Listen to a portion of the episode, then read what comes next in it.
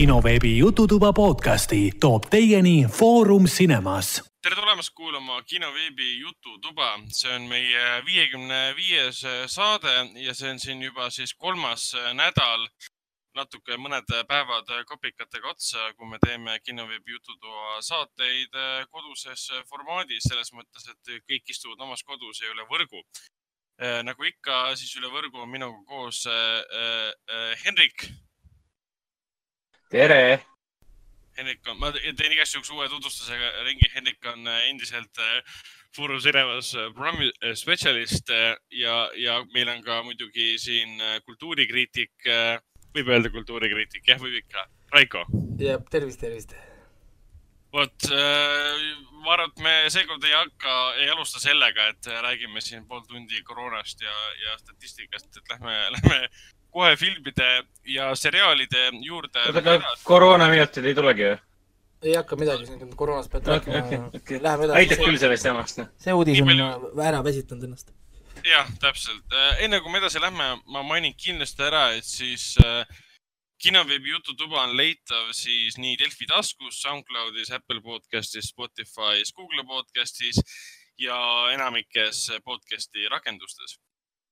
Lähme siis edasi filmide ja seriaalide juurde, mida me oleme vahepeal siis kahe podcast'i vahepeal vaadanud. kinost meist ei ole keegi käinud, sest kinod on endiselt esimese maini kinni küll aga olen ma vaadanud erinevaid filme ja seriaale ja nagu ikka, alustame Raikost. Raiko, mida oled sina vahepeal vaadanud?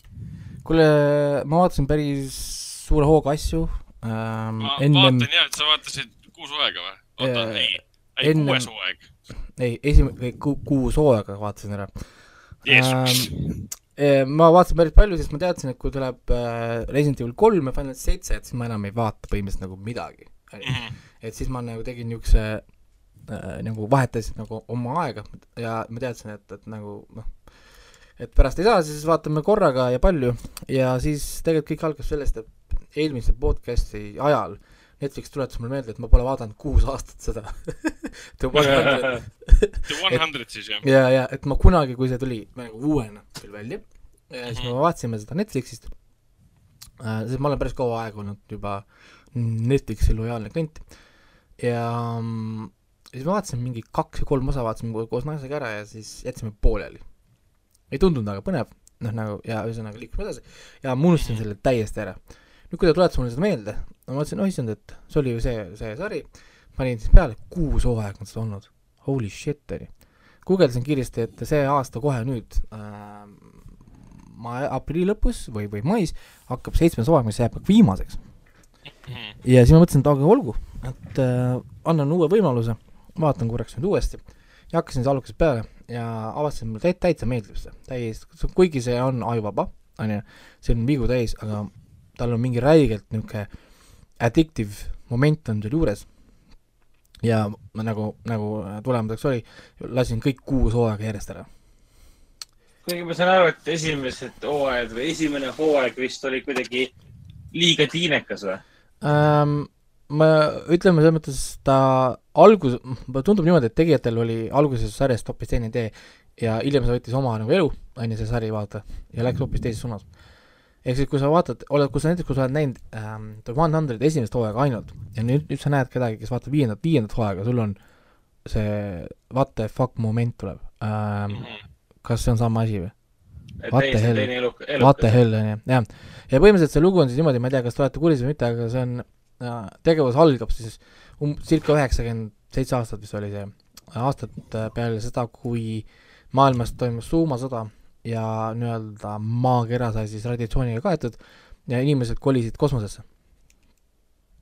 Mhm. inimesed kolisid kosmosesse ja nad, kõik need Mir on ja, ja need, need erinevate riikide need suure kosmosejaamad liitusid kõik kokku nagu kõik kaksteist suurtükki ja, ja seal peal siis inimesed elasid ja nende ülesanne on siis nagu jääda ellu nii kaua äh, seal kosmosejaamades, kuni maa peal on võimalik siis uuesti elada, ehk siis nad pidid ootama mingi sada viiskümmend aastat või, või midagi, midagi, midagi, midagi sellist, et radiatsioonitase siis langeks nagu piisavalt alla, et sul oleks võimalik elada. nii äh,, aga neil on probleem äh,, kosmosejaam või jaamad hakkavad äh, lagunema ühesõnaga, need süsteemid polnud tegelikult disainitud selliste asjade jaoks, rahvastikku oli liiga palju, on ju, on kosmosejaamades seal, ja siis nad pidevalt hukkavad inimesi erinevatel väikestel põhjustel, et hoida populatsiooni nagu kontrolli all. Ja- jaa, sest noh, neil on hapnikku vähe, neil on süüa vähe, neil on kõiki asju nagu vähe, nad saavad aru, ja siis iga väiksem rikkumine, mingi debiilses nagu rikkumine lõpeb sellega, et sind äh, saadetakse lihtsalt kosmosesse Lä, Wow. lä, läbi airlock'i onju, nii. ja siis neil tuleb lihtsalt välja, jah? ja, ja siis see nimi The, The One Hundred tuleb tegelikult sellest, et nad võtavad sada noort, keda, kes on siis kuriteo soovitanud, aga, aga neid ei saa hukata, sest nad pole kaheksateist veel täis. Et saad aru, sest seal on nagu see seadus on see, et kaheksateist pluss äh, iga, iga, iga kuritegu on surm, onju. siis kuni selleni äh, sa oled lihtsalt nagu vangis. siis nad valivad siis sada noort, kes on nii-öelda nagu lost cause või noh, nagu äh, ma ei tea eesti keeles, mis see siis on, pole lootust enam või noh, ühesõnaga looserid või ma ei tea, maha, maha noh, mahakandmisele põhimõtteliselt pandud noored, need pannakse siis äh, ühte sellesse kapslisse nii-öelda ja saadetakse maa peale. sellepärast, et neil ei ole enam tegelikult muud varianti, sellepärast et see jaam on vei-, nagu lagunemas ja, ja isegi see populatsiooni kontroll on tegelikult ainult ajutine lahendus, sest neil on tegelikult vaja midagi jäädavat, on ju. Mhm. ja sealt saadetakse maa, maa peale lootuses, et radiatsioon on piisavalt palju langenud, et see on nüüd nii-öelda elamiseks kõlbulik. Mhm. nii, siis äh, kõik jõuavad sinna maa peale, on ju, osad juba surevad ära ja põhimõtteliselt siis esimene hooaeg ongi nagu see, kuidas nad jõuavad sinna planeedi peale, nad avastavad, et inimesed elavad planeedi peal, on ju, radiatsioon on nende jaoks täiesti talutav, aga tegelikult on ainult selle jaoks talu- talutav, et nad on ise elanud kosmoses terve aeg, kosmoses on kõrgem radiatsioon kui maa peal, on ju, ja kõik need, kes on sündinud kosmoses, nagu need noored eriti äh,, on juba nagu noh, nagu, nagu sünni poolest nagu noh, võtavad seda vastu paremini, seda radiatsiooni nad suudavad maa peal elada. Aga see on oh, ohtu täis, sest siin on noh, inimesed, kes juba jäid nagu maa peale alles, sest nagu ikka, osa inimkonnast äh, noh, jäi ellu, noh jah, no jäi nagu ellu nii-öelda, ela-, elas selle radiatsiooni järgi üle ja nemad on siis nüüd loomulikult seal nagu arenenud, aga nendel on niisugune mitte väga arenenud tsivilisatsioon, on ju, on niisugune ma ei tea, ma ei tea, kas päris keskaegne, aga noh, ütleme niisugune, et ütleme kül-, külad ja hobused ja odad ja värgid on ju noh, aga noh, samal ajal nad on tegelikult nagu muus mõttes ikkagi väga nagu targad, et, et lihtsalt, lihtsalt nagu tehnoloogiat enam ära.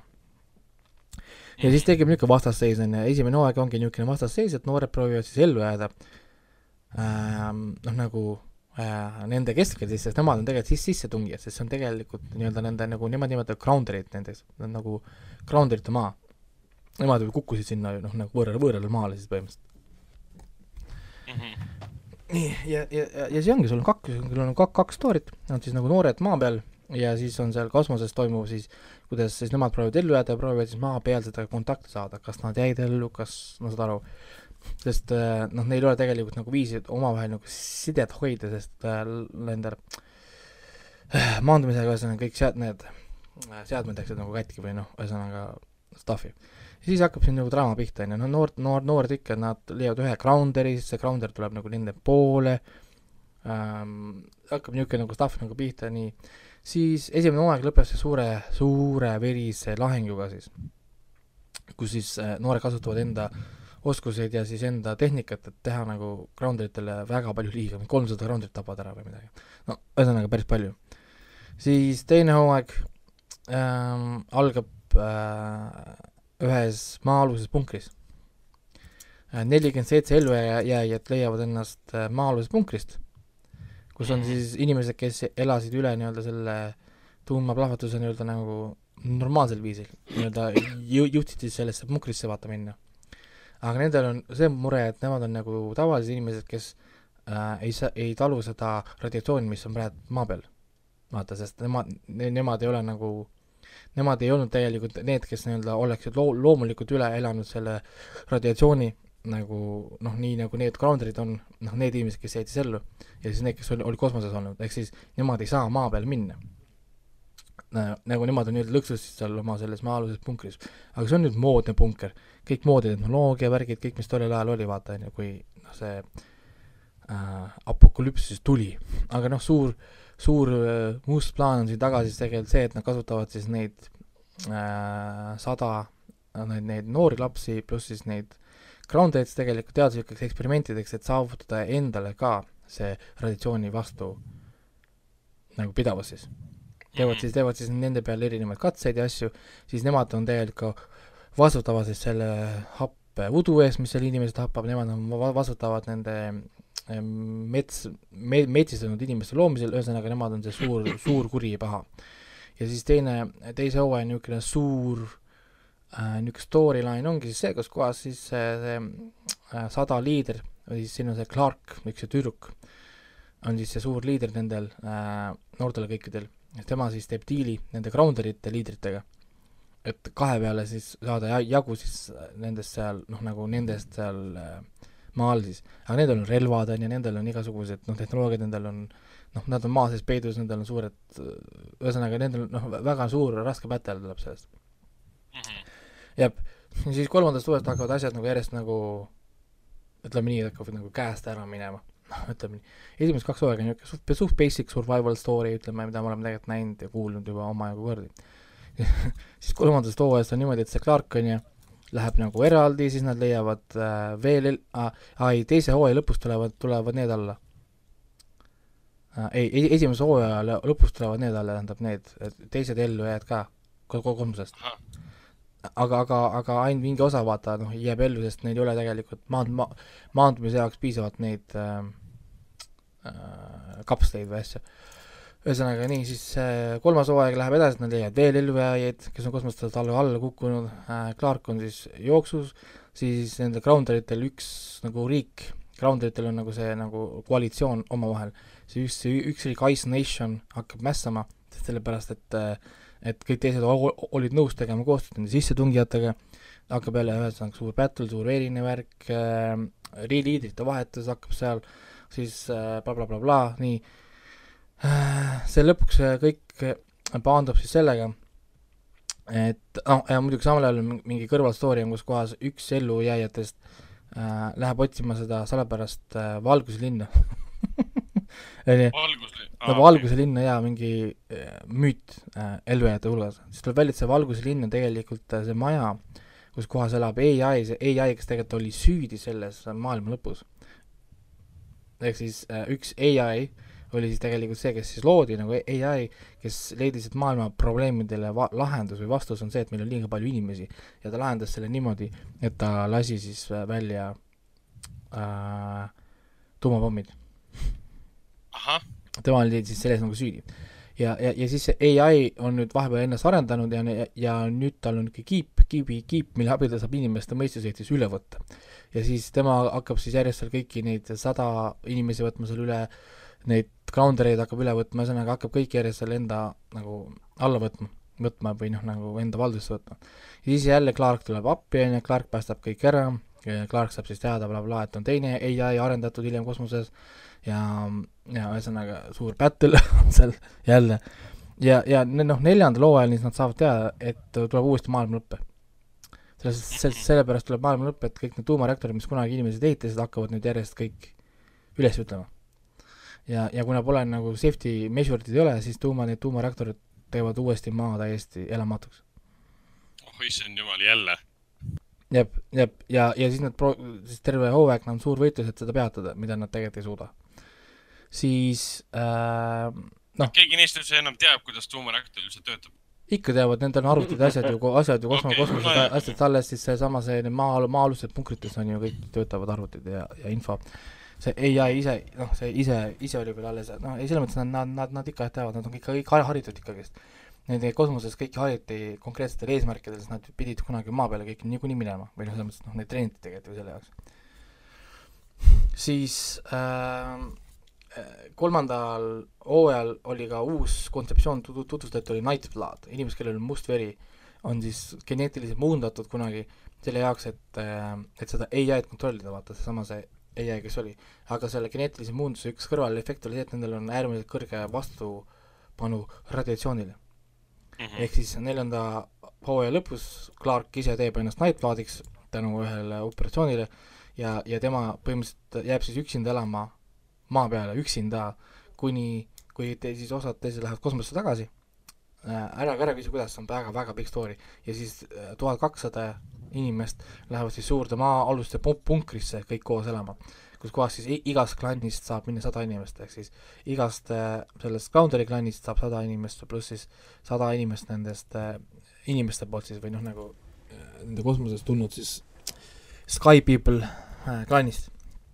Mhm. jah, ja siis läheb kaua aega mööda, kuus aastat, Clark on siis üksinda elanud maa peal ja, ja mingil põhjusel siis neli, neli protsenti maast jäi nagu elamiskõlblikuks ja seal on siis veel metsad, seal on veel järved, ühesõnaga niisugune väikene, väikene maalapp, kosmoses vaadates väike, väike maalapp on veel elamiskõlbulik. Clark elab siis seal koos ühe lapsega, kelle ta, kelle, kelle ta leidis kuus aastat.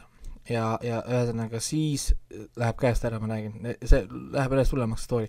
siis, siis tuleb mingisugune tagasi kosmosest mingi vangla äh, kosmoselaev, mis oli sa-, oli saadetud uurima teisi planeete, on ju, elu elamiskõlbulikke, kõlbulikke planeete. Nemad tulevad tagasi, jah, nemad tulevad tagasi endale nagu what the fuck, et mis maa peal on toimunud, on ju, miks maaga, maa on nagu ära häve, ära, ära hävitatud, siis nad võtavad kõik kontrolli enda kätte, samal ajal siis äh, Clark laseb siis sealt maa-alusest punkrist kõik inimesed välja, kes seal olid, need olid seal vahepeal kannibaliks muutunud, sest äh, neil sai söök otsa. Äh,, siis need kosmosest tulevad alla need ülejäänud noh, nagu tegelased, siis on seal suur värk, battle bla,, blablabla, asi lõpp, lõpeb sellega, et, et kuues hooaeg on kosmoses hoopis teistel planeetidel. jah, ei, ei, jah, et kuues hooaeg on hoopis mingi planeedil, kus on kaks päikest. Ja, ja, ja, ja siis see öö, muudab seal sinu tuju ja, ja mit-, mitte ainult see, vaid siis on ka, tuleb, tuleb mängu ka paralleelsete universumite kontseptsioon, sest seal on äh, time dilation äh, tormid, on ju. nii et äh, jah, aga võrreldes sellega, kus esimesest hooajast ta nagu oli, vaata, kuhu ta nagu liikus, noh, see on ikka nagu ta algas niisugune võib-olla nagu, nagu kerge sci-fi, umbes et post-apo-, noh nagu niisugune post-apokalüptiline niisugune noh, tuumavärk on ju, siis Mhm. lõpus, kuhu ta jõudis, on ikka väga hardcore sci-fi. et ega ei, mulle selles mõttes meeldis ja, ja nüüd seitsmes hooaeg tuleb viimane, see on siis täpselt niimoodi, et nad saavad sada episoodi täis. nagu The One Hundred saavad sada epi-, episoodi täis, neil on praegult äh, kaheksakümmend neli episoodi on praegu. Ja need on pikad episoodid ka, need on tunniajased e e e e episoodid. ma vaatasin jah, et see viimane hooaeg on siis seitsmes, algab äh, vist kahekümnes mai ja kokku tuleb vist kuusteist episoodi ja, ja niimoodi täpselt on sada kokku. päris huvitav, kas see oli esialgu kogu aeg niimoodi mõeldud, eks? sada episoodi. ma ei tea, sest vahepeal tund-, ma arvan, et ei olnud, sest äh, tundub päris palju tundub niisugused pöörded, pöörded ja keerdkäike siin olevat. Aga selles mõttes, et sa, noh, sarjast ikka karakter tuleb päris tihti, on ju, ja noh, nad, nad ei karda tappa nii-öelda nagu karakterid, on ju, mis on positiivne. aga noh, muidu nad on kõik suht massimõrvarid siin. et see, et see Bellami tapnud, see Bellami üks peategelasi on tapnud siin mingi viissada inimest, Clark on tapnud mingi, ma ei tea, nelisada inimest, et nii et ja see, ta läheb päris Walking Deadis kätte ära, kus kõik tapavad. ja ei, see on päris, ega kõik on ainult tapmine värki. ja, ja ma avastasin selle härra jooksul ka, et mul on tekkinud allergia äh, filmide ja sarjade asjade kohta, kus kohas mees karakter ütleb I m just trying to protect you. iga, iga kord, kui keegi seda ütleb või et, või et I m trying to keep you safe, mul lihtsalt, mul lihtsalt tuleb, tahaks nagu aa, kinni panna kohe, sest nagu kas tõesti, kas tõesti mitte ühtegi muud asja ei saa öelda ühelegi naiskarakterile või? nagu, aga, aga, aga siin on nii palju asju, näiteks Clark on ju, on minu arust nii hästi tehtud karakter, vähemalt kuni mingi esimesed neli hooaega. no selles mõttes vaata, et ma olen varem ka öelnud, mulle üldse ei meeldi, kui tugevad naiskarakterid tehakse läbi füüsilise omaduse. umbes, et tugev, tugev, tugev saab olla ainult naine siis, kui ta on tugevam meestest, umbes. jah, Ei, mulle üldse- mulle üldse- ülevõimu. mulle üldse ei meeldi see. ja, ja, ja mulle nii meeldis selle sarja nagu loogika, kus kohas Clarki tugevus tuleb otsustada, otsuste tegemises. et, et, et ta julgeb teha otsuseid, ta teeb neid kiiresti ja, ja, ja nagu tema ise siin ütleb ka kon-, konkreetselt, et, et ega ma, mina, mina ei peagi kaklema ju, mul on selle jaoks teised inimesed. et ma ei peagi, ma ei peagi sinust saama jagu. ma kutsun kellegi teise, kes saab sinust jagu. aga, aga, aga point ongi, et ma tahan, ma teen otsuseid, ma teen neid õigesti ja, ja kuna ma teen, ja kuna ma teen õigeid otsuseid, siis sa kuulad mind. nagu no ja, ja, ja on, on kõik ja pidevalt, kui oli mingine võimuvõitlus seal oli, on ju, siis ta lihtsalt võttis selle tagasi, selle võimu nagu endale väga nagu minu arust nagu efektiivselt, ehk siis väga hea näide tegelikult, kuidas teha nagu niisugust noh, väga-väga niisugust nagu tugevat naiskarakterit, vaata. noh, ilma, et, et ta peaks olema mingi mingi, mingi jõhker ninja või ma ei tea, mingi noh, saad aru. et, et, et, et see, see mulle nagu väga meeldis. ja see on tegelikult, ongi, ta on tegelikult, ütleme, kui niimoodi vaadates, ta on tegelikult niisugune hästi, hästi feministliku tooniga tegelikult on see, on see, on see terve sari, siin on hästi palju tugevaid na- naiskaraktereid nagu. et parim mehaanik on neil naine, on ju, parim võitleja neil on naine, aga, aga point on selles, et see on minu arust tehtud selles mõttes hästi, et see ei tundu nagu surutud, forced, vaid see on nii-öelda nagu vaikselt välja ehitatud protsess, kuidas, kuidas nad said sinna kohta, need naised, vaata. et see ei ole umbes nii, et ta, ta lihtsalt sellepärast, et ma ei tea, on, ta lihtsalt on, noh, ja, ja sa pead seda kuidagi nagu aktsepteerima. Vaid kõik on nagu väga nagu, nagu loogiliselt nagu teatud nagu järjestuses tehtud, nii et sa tegelikult, sul ei ole põhjust nagu kuidagi nagu kahelda või seda küsimusi e- esitada, vaid see noh, nii ongi. et, et selles mõttes ta on minu arust väga hästi, väga, väga hästi tehtud sari ja ma saan tegelikult aru ka sellest, näiteks IMDB-s on seitse koma seitse on ju sarja hinne, mis on tegelikult minu arust nagu täitsa õiglane. ja noh, ütleme siin on teatud noh, nagu ikka vaata, kui sul on pikk sari on ju, siis ikka noh, on niisuguseid auke ja, ja plot, plot hole'e tuleb on ju siit, siit ja sealt. Aga need ei ole üks niisugune, mis tegelikult nagu väga nagu ma ei tea, eemalt lükkaks ja ma seitsmendat hooaega vaatan hea meelega, kuigi seitsmes hooaeg toimub paralleeluniversumis mingi time dilation seadme kaudu on ju, aga noh, olgu, selge, noh, selles mõttes, selles mõttes. et, et äh, Time dilation seade. oi, oi, oi. et, et, et, et jah, see nende viimane battle siis teises plaan-, teisel planeedil oli siis inimeste vastu, kes ei vanane. et, et, et nad nagu sunnivad pidevalt uuesti. et ma saan aru, miks, ma saan aru, miks sa ütlesid, et äh, mis su lause oli, et see on hästi rumal seriaal või midagi. ei no jaa, ei no on, aga, aga ma räägin, tal on mingi niisugune räigelt niisugune addictive asi on seal küljes, ma ei, ma isegi ei tea või ma ei oska isegi seletada, mis see nagu on. aga kui sa vaatad seda, sa tahad vaadata veel. saad aru, sa, sa naerad, sest see on nagu loll. vahepeal nii loll, et lihtsalt nagu raputab pead, oh my god, kes see, kes see selle kirjutas. aga sa paned kohe uue osa peale.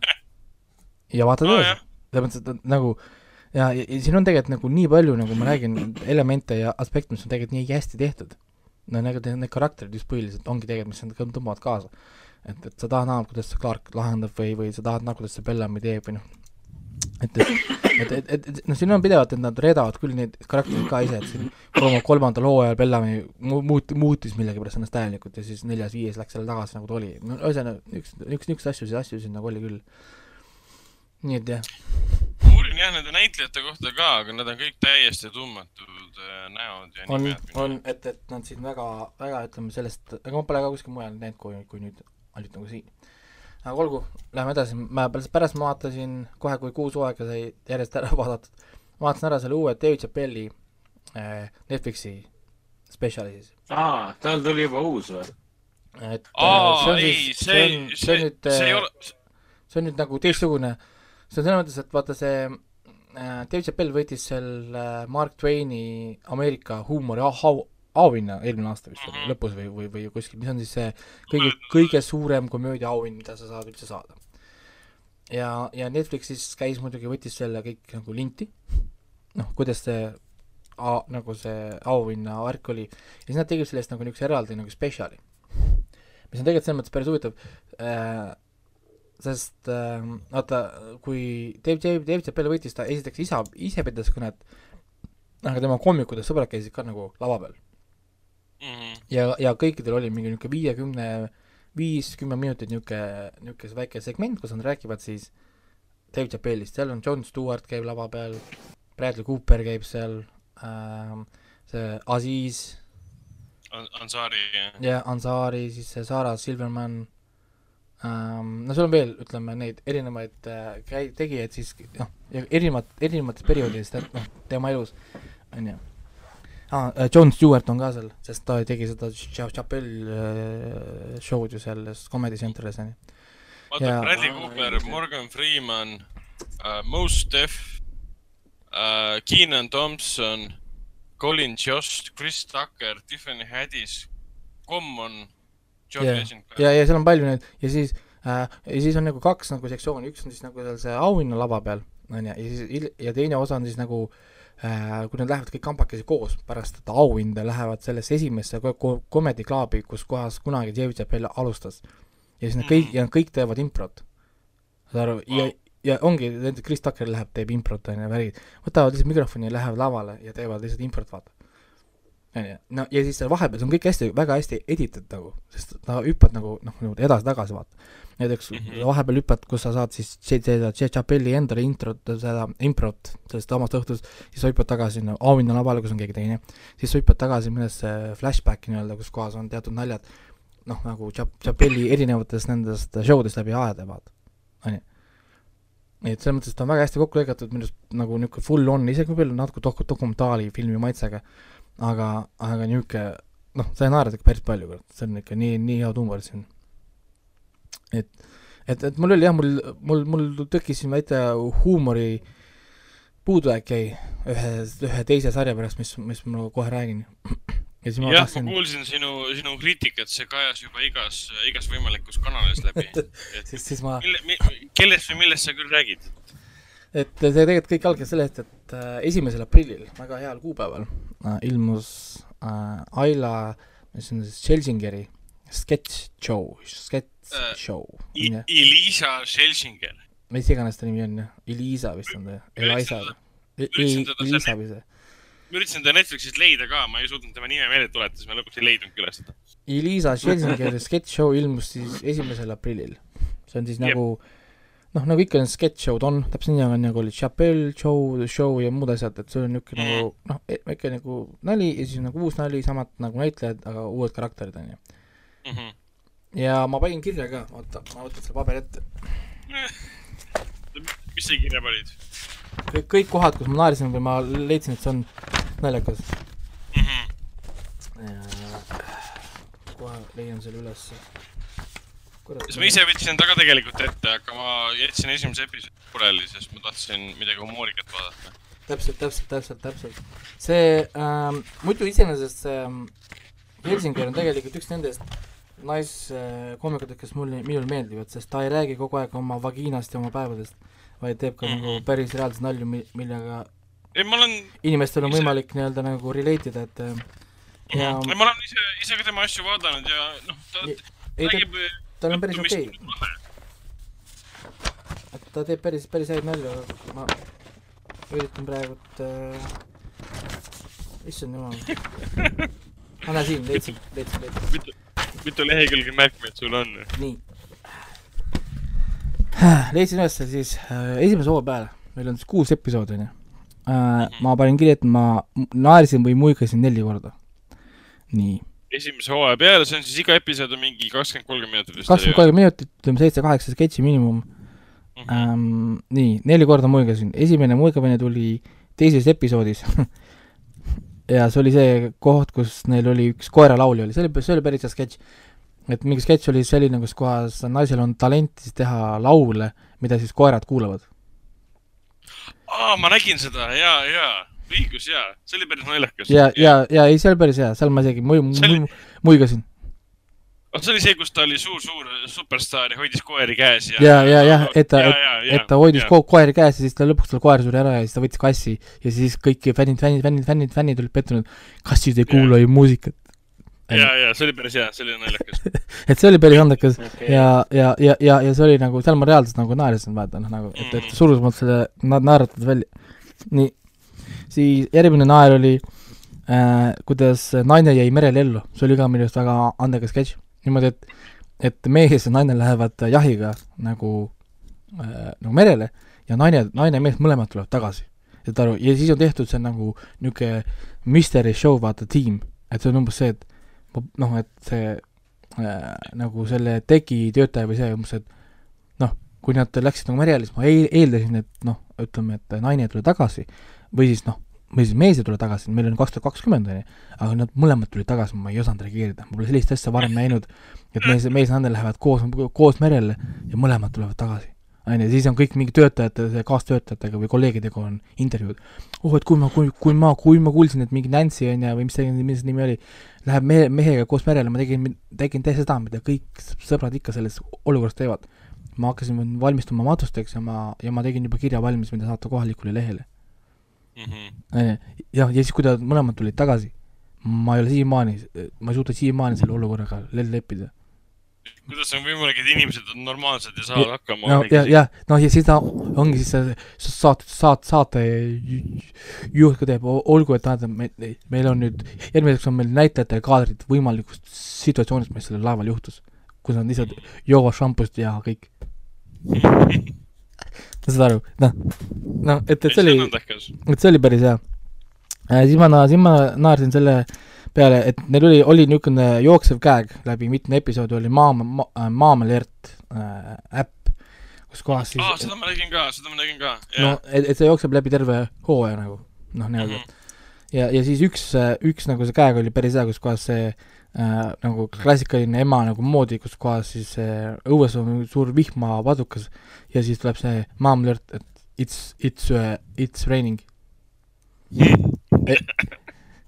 noh, ehk siis niisugune kla- klassikaline ema, emade moodi, moodi noh, et see, et umbes, et kuule, et kui õues saab vihma, et palun too oma asjad ära õuest midagi. ja see oli, see oli päris andekas, seal esimeses episoodis vist oli ka, et äh, kuskil riigis toimus mingi õnnetus ja siis ema saadab sulle sõnumi nagu, et kuule, seal toimus midagi, loodan, et sul on kõik okei okay või midagi, laadset. poes käisid ja. jah, no selline asi ja, ja, ja siis äh, viimane oli veel, ma üritan veel lugeda, mis märk mul on siin, side bros. ma ei saagi aru, mis ma olen siin kirjutanud, aga ühesõnaga jah, ma sain neli korda sain, sain kokku naerda, aga muidu see oli ikka suht ebaõnnestunud ja üle noh, noh, et ta proovis liiga palju, onju, et talle umbes anti kuus episoodi ja noh, tõenäoliselt teist hooaega hooaega ei saa, onju Mhm. et, et ta proovis nagu liiga, liiga palju. no saad aru, sa noh, nagu näed seda, et ta nagu noh, ta nii väga tahtis, et see oleks nagu naljakas või nagu aga, aga see ei toimi, ta lihtsalt räägivad liiga palju, nad seletavad liiga asju nagu üle. ja näiteks oligi, ma vaatasin siis seda Chapelli ja pärast ma, mida ma tegin, ma otsisin välja vana Mr Bean'i äh, ühe selle lavashow, jah. nelikümmend minutit. Mees ei räägi, mees ei ütle kuus minutit ühtegi sõna, ta on üksinda lava peal, kõik naeravad algusest lõpuni, ma naersin ka. ehk siis, ehk siis sul ei ole vaja rääkida, sa ei pea seletama kogu aeg, sa ei pea nagu üle seletama umbes, kas sa ikka said aru umbes naljast või noh, nagu noh, ja, ja, ja sa ei pea olema poliitiliselt mitte midagi. Mr Bean ei tee mitte ühtegi poliitilist märkust mitte kunagi mitte ühes kontekstis. oled sa kuradi moslem või kristlane, oled sa gei või ma ei tea, whatever, sa ikka naerad selle peale, saad aru? sest, sest see nali pole suunatud kellegi millegi poolt või vastu. see pole kellegi, kellegi üle tehtud nali, see pole kuidagi nagu noh, kuidagi seotud ja, ja mulle ka tundus, et see, et see, et see Elisa Schelsinger ei saanud üle kuidagi sellest, et ta nagu naine on, saad aru? et, et, et ta üldiselt nagu kogu aeg nagu noh, nagu, nagu Elis, tal oli jah, enamus naljad seostuvad soo ja kõige sellega. no ikka jaa, ikka, ikka nagu sooga jah, et ma saan aru, et sa oled naine, ma sain juba aru sellest. Äkki nagu noh, vaata näiteks seesama see nali, mees ja naine, naine olid merel, väga hea nali. Mhm. see, no selles mõttes vaata, noh, et kõik ülejäänud niisugused nagu on pidevalt seotud kogu aeg, et ta on nagu naine, ta on kuidagi emotsionaalne ja siis kuidagi ta peaks olema nagu enese ir- ir- irooniline, aga mul jäi pidevalt mulje, et ta on lihtsalt vingumine. et ta lihtsalt nagu kuidagi nagu hädaldab selle üle, et ta on nagu naine või ma ei tea, niisugune veider oli. et, et noh, äkki sa lihtsalt seal- teeks seal lihtsalt nalja, et seal oli ka üks kõige eba, ebaoriginaalne sketš milleks on siis see, et sa teed seda women uh,, women jackass'i. aa jaa, see jaa, jaa, ja see oli, see oli nii cringe, see oli, see oli nii kringel, see oli nii kringel. seda on nii palju juba tehtud ja väga hästi tegi seda minu arust kolledži huumor. lihtsalt suurepärane, on point komöödia. ja siit ma vaatasin seda, see lihtsalt ei töötanud. see lihtsalt ei olnud naljakas. Ei olnud, jah, ei olnud. naised on niimoodi, see lihtsalt läheb nii üle võlli teisele tasemele võrreldes sellega, mis oli Jackass kõigepealt ja läheb nii kaugele nagu metatasandist, see oli põnev ja äge, mida kolledži huumor tegi. aga see oli lihtsalt okei okay,, see, ahah, vist peaks olema naljakas. ei, see oli väga, väga niisugune ja ma, olen nõus, ma isegi ei hakanud seda mainima, sest see oli lihtsalt nii mõttetu. see oli nii, nii loll. oo, me teeme endale emotsionaalset haiget selle asemel, et teha füüsilist haiget. jah, no see oli kogu see, kogu see point oli kogu selle nalja ja selle huumori seal nii-öelda, see. see oli jah, see, see, ma olin väga-väga-väga pettunud selles. ma olin selles mõttes nagu noh, ma olin selle endale reminder'ites värkides, kui see tuleb, ma kohe tahan vaadata, ma vaatasin ka, see tuli esimene aprill välja, kohe vaatasin ka. ja pff, lihtsalt nagu pettumus. veider, veider. no ja siis ma räägin, vaatad natukene Chapelli peale või, või vaatasin seda Mr Bean'i, noh, siis, siis, siis sa saad aru, kuidas ikka nagu lihtsalt sa naerad kogu aeg, vaata, mitte umbes nii, et ma ei pea ootama tervet hooaega, et saada neli korda korralikult muiata või midagi. vaid ma naeran kuradi nelja minuti jooksul terve aeg ainult naeran. niimoodi ma pean, pean panen pausi peal, sellepärast et ma saaksin korraks nagu maha rahuneda, korraks hinge tõmmata ja, ja vaadata midagi tõsist, et, et mu- muidu ma ei saagi vaadata midagi, sest ma ainult, ainult irvitan, vaata. et, et äh, niisugune nagu asi ongi, et noh, mul on selline tunne, et, et siin päris paljud äh, ütleme, tänased niisugused stand-up'i omad peavad muutma oma arusaamist nagu stand-up'ist. mul on nagu noh, selline mulje jäänud, et, et see on ka see, mida see Dave, Dave Chappelle rääkis seal lava peal. et, et, et nali saab olla universaalne. aga, aga, aga see peabki olema nii-öelda nagu ja et ja, ja, ja, ja see on see, ja see on asi, mida ütles see Roman Atkinson ühes intervjuus, mis ma nüüd siin lapasin Youtube'is, et nali on alati see, mida sa ei ütle. on ju, ehk siis mida inimesed saavad aru. sellepärast, et me kõik teame, millest sa tegelikult räägid. nojah, nalja, nalja ei pea lahti seletama, see peaks olema no, ilmselgelt nagu, arusaadav. no ja, ja, ja sellepärast ta, ta nagu, ütlegi, miks Mr Bean on naljakas, on sellepärast, me, me kõik teame seda. Me saame kõik aru, mida see Mr Bean teeb, sest me oleme kõik seal olnud. -hmm. mis iganes see situ-, situatsioon see on, me oleme kõik neid asju kunagi mõelnud, me oleme kõiki neid asju teinud, ehk siis Mr Bean ei pea ütlema mitte ühtegi asja, sest me kõik teame, me saame aru onju, no, no ja, ja, ja, ja see on, need on, ongi niisugused noh, nagu, nagu naljad, see on ka minu arust, miks see, mida see Dave Chappelle teeb, teeb, teeb nii hästi. ta jätab kogu aeg asju nagu ütlemata, aga sa naerad, sa saad aru, mida ta tegelikult ütlevad mm.. Noh, nagu. kusjuures äh, sellega seoses, humoristidega seoses, stand-up'iga seoses, just tuli uudis, et Louis CK avaldas uue tunniajalise sketš, selle sketši, stand-up'i tema kodukal kaheksa dollari eest et igaüks ka Eestis võib selle nagu osta kaheksa dollari eest ja vaadata tema enda kodukal, võib-olla saab faili ka alla laadida. ma, ma lähen vaatan ära selle. Et kui tunnete Aha. huvi eh, selles mõttes, et noh, me kõik teame, mis tema, temaga juhtus ja tema karjääriga juhtus. hiljem, hiljem tunnistas ka, et ta tegi seda tegelikult ka, et see kõik vastas tõele. ei no jah, aga ta, aga, aga ta ei teinud midagi valesti, nii et selles mõttes nagu. nojah, ta on lihtsalt väga-väga rõve olge, olgem ausad, see on ikka. no, vaata no,, hull asi noh. vaata, point ongi tegelikult selles, et me ei tea, kui rõvedad siin teised on, me ei, me ei tea, kui rõve on Dave Chappelle või kui rõve see Elisa Scheisingeriga on mm. Me ei tea seda no täpselt noh. no ja kas on olu, kas kui, on kui, kui sellised asjad tulevad avalikuks, siis, siis me ei räägi enam äh, asjadest, mis on tähtsad, me räägime asjadest, mis, äh, mis on lihtsalt nagu veider, et miks sellised asjad avalikuks tulevad. nii võib iga asi avalikuks tulla ja kõik ütlevad, et see on rõve nojah, et, et ja, ja, ja, ja küsimus ongi näiteks, kas, kas masturbation on hullem kui anaalseks näiteks? no, vot, no vaata, siis sa jäädki niisugused asjad üle lõputult arutama, kui tegelikult lõpuks jõuad argumendini, et tegelikult see on ju tema isiklik asi, miks üldse nagu meid kotib, et. Mm.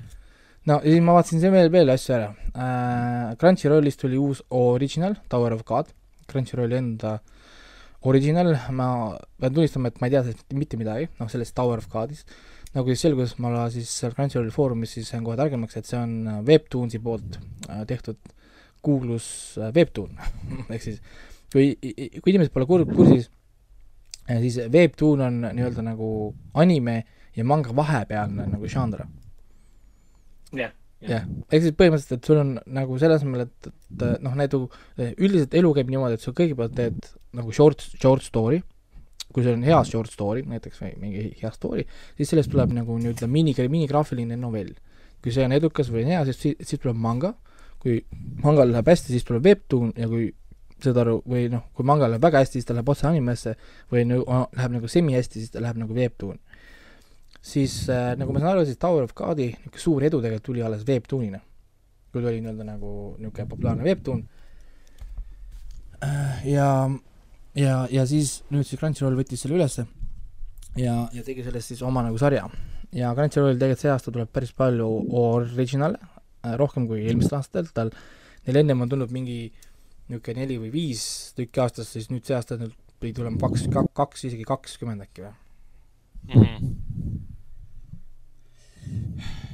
nii, ja noh, hetkel muidugi on väljas ainult, ainult üks episood, nii et väga vähe on, ütleme, mida nagu hinnata või mida nagu vaadata. aga, aga väga, väga põnev on küll, jälle väga kiiresti pandi paika mingi uus veider universum mm, -hmm. mingisugune poiss kaotab oma tüdruku, sest tema tüdruk tahtis minna siis sellesama Tower of God, jumala torn äh,, keegi hingab mikrofoni meil ka vist? mina ei hinga.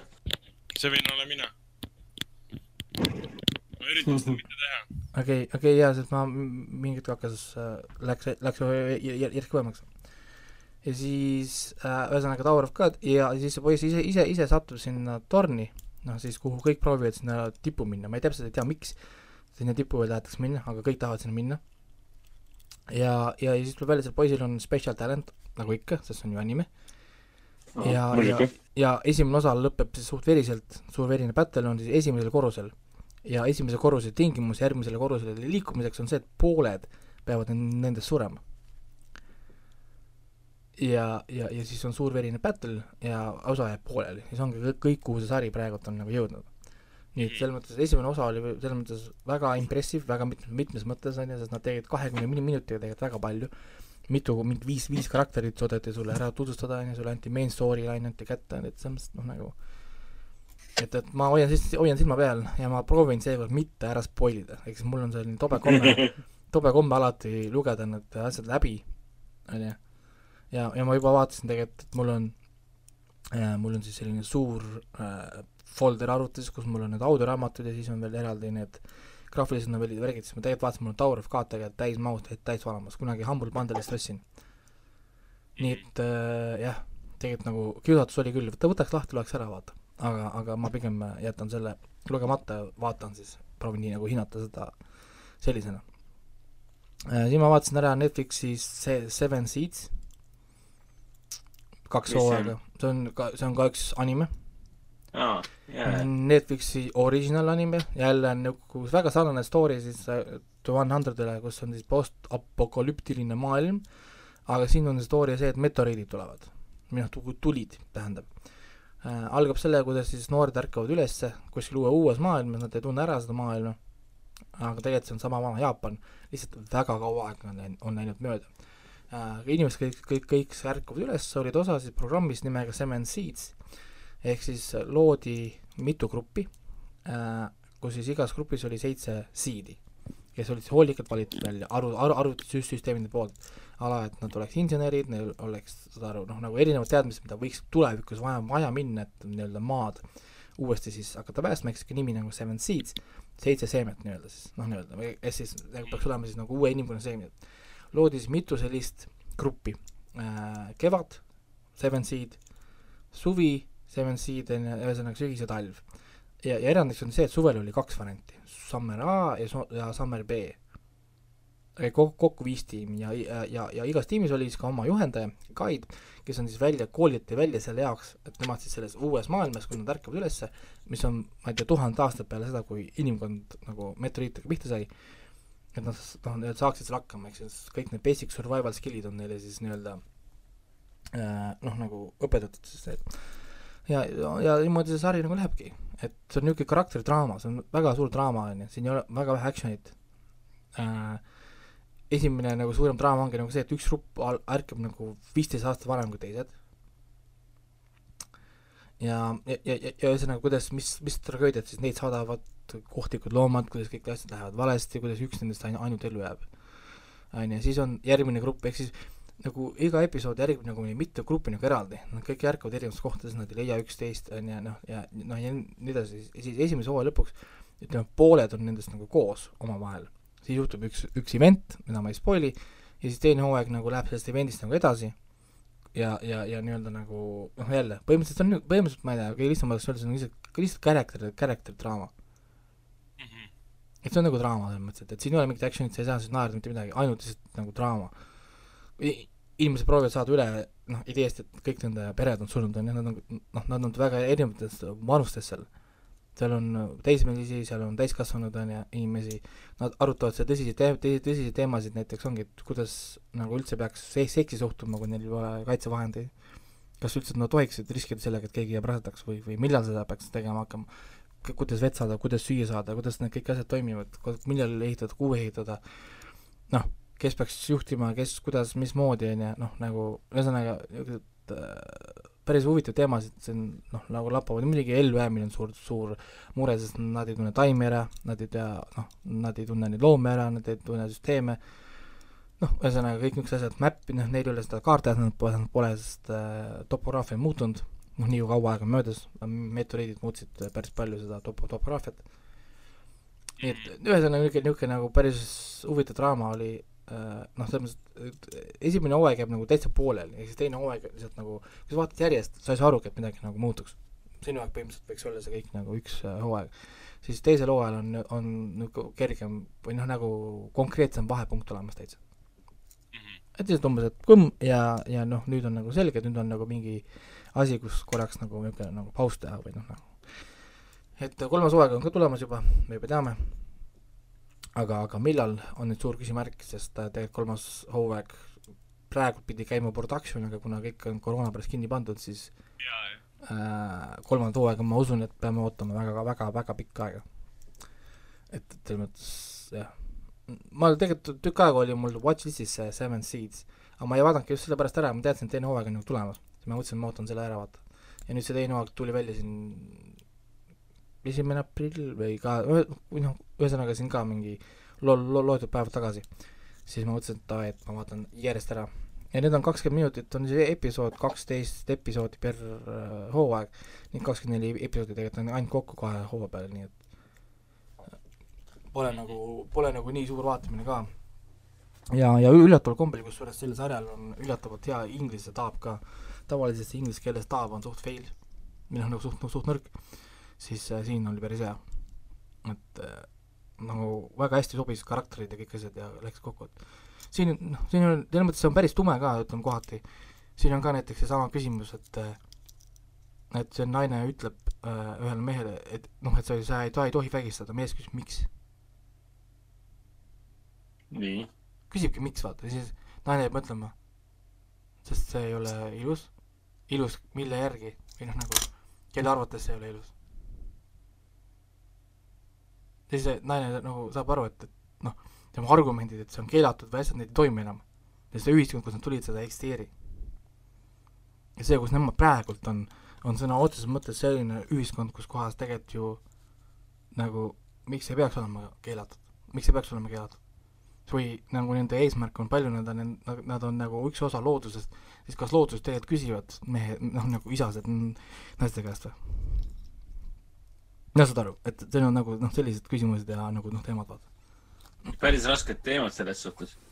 noh, kui seitse inimest ja kõik see, nojah, et nagu neid, neid, neid, neid gruppe, gruppe on nagu mitu vaata, ehk siis äh, neid on tegelikult nagu rohkem. aga, aga noh, lihtsalt no ütleme veits selles nagu, veits nagu meenutab seda, see on, see on nagu veider, kuidas ta meenutab tegelikult seda mm, The One Hundred'it ka veits. No jah, ikka, et noh, sama, nagu ütleme, sama nagu stiil ja, või noh, sama nagu mm. -hmm. samas see on hea idee. noh, minu arust sa võid sellest teha ju palju, sest see on alati põnev, noh, uus maailm, aga nagu, eks me võtame nagu uue maailma, aga võtame praegusest maailmast inimesed, paneme uude maailma. sest meie, noh, meie reeglid on ju tegelikult ju kõik on ju inimeste enda välja mõeldud ja mõeldud reeglid. nojah, mis siis saab, kui reeglid ära võtta? noh, selles mõttes, et, et me lähme nii-öelda nagu loodusele reeglite järgi, vaata. et, et mis, mis, mis siis, mis siis nagu noh, nagu saab.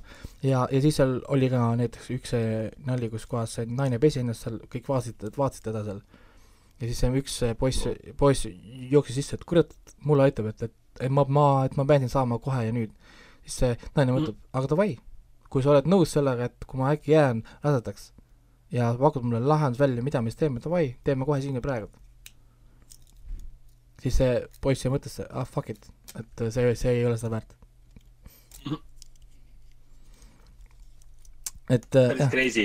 selles mõttes, et noh, et ta on, ta on ikkagist äh, noh, täiskasvanutele mõeldud on ju, noh, teemad on, teemad on rasked, siin on äh, tapmiseid, on siin äh, noh, mitte nüüd küll oma, oma, omavahel neil, vaid rohkem loomad tapavad neid äh,, taimed tapavad neid, sest nad ei saa aru, mida süüa noh, ja muud asjad nagu ja, ja, ja niisugune nagu draama mõttes on siin dünaamika niimoodi, et see so- Summer, Summer A või see Suvi A tiim on siis, terve tiim on spetsiaalselt treenitud sünnist saadik selle jaoks, et jääda ellu kõik, kõikvõimalikes keskkondades. kõik on üüberatleetilised, kõik on üüber üleharitud inimesed ja siis see Suvi B tiim on siis täielikud outcast'id aa, võetud, et sellepärast, et neil, noh, siin on nagu fl-, nagu flashback idega segamini, kus me saame siis nii-öelda nagu nende inimestega, kes seal taga olid, vaata seal programmi taga, saame nende niisuguseid nagu noh, nagu seletusi. vaid neil lõpuks oligi noh, nagu see, et, et nad katta nagu kõik asjad, sest nad ei tea, mis tulevikus on. et, et, et äkki need outcast'id on outcast'id, sest nad on meie maailmas outcast'id, äkki uus maailm on see, kus nemad on need alfad. Nagu noh, ja, ja, ja nagu me sarjas siis nagu, nagu, nagu näemegi, asjad ei ole üldse nii mustvalged. noh, nagu selles mõttes, et et, et, et see ellujäämine tihtipeale ei sõltu ainult sellest, et kas sa oskad ehitada seda õiget maja või mitte, või noh, nagu et, et minule see täitsa nagu meeldis ähm,, mulle tegelikult väga meeldis aga siis samamoodi ma siin praegu võitlen selle kiusa, kiusa, kiusa, kiusatusega, et mitte lugeda mangat. mul on jah see harjumus lugeda manga kiiresti vahepeal läbi ja siis hakkad vaatama seriaali edasi ja siis oled juba kõike näinud tegelikult. et mul on nii harjunud kohe, et ma vaatasin ka, et see maks-, ma maksab ainult euro nelikümmend üheksa, vist oli see äh, viimane, viimane volüüm, kolmanda, kolmas volüüm, mis on see, et ma ma ütlesin, et kurat, noh, miks mitte, vaata. aga, aga, aga, aga ei, ei, ei, ei, ei, ei tohi äh, rikkuda ja ma jätan ikka nii ja vaatan, mul nii palju muid asju vaadata ja teha, et, et noh, ei pea hakkama nagu äh, hullu panema. viimane asi, mis mul siis vaadatud on, mis mul vähemalt kirjas on, on siis äh, The Platform, ma jätsin selle viimaseks sellepärast, et see on Ragnar Ragnarile ka. ja mina vaatasin selle ära, suure. mina ei ole ikka veel näinud.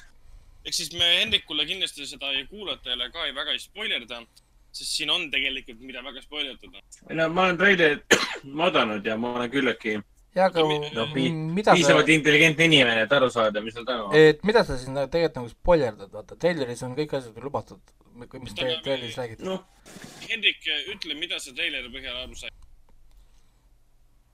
noh, täpselt nii nagu treiler näitab. on vangla ja vangla koosneb erinevatest korrustest.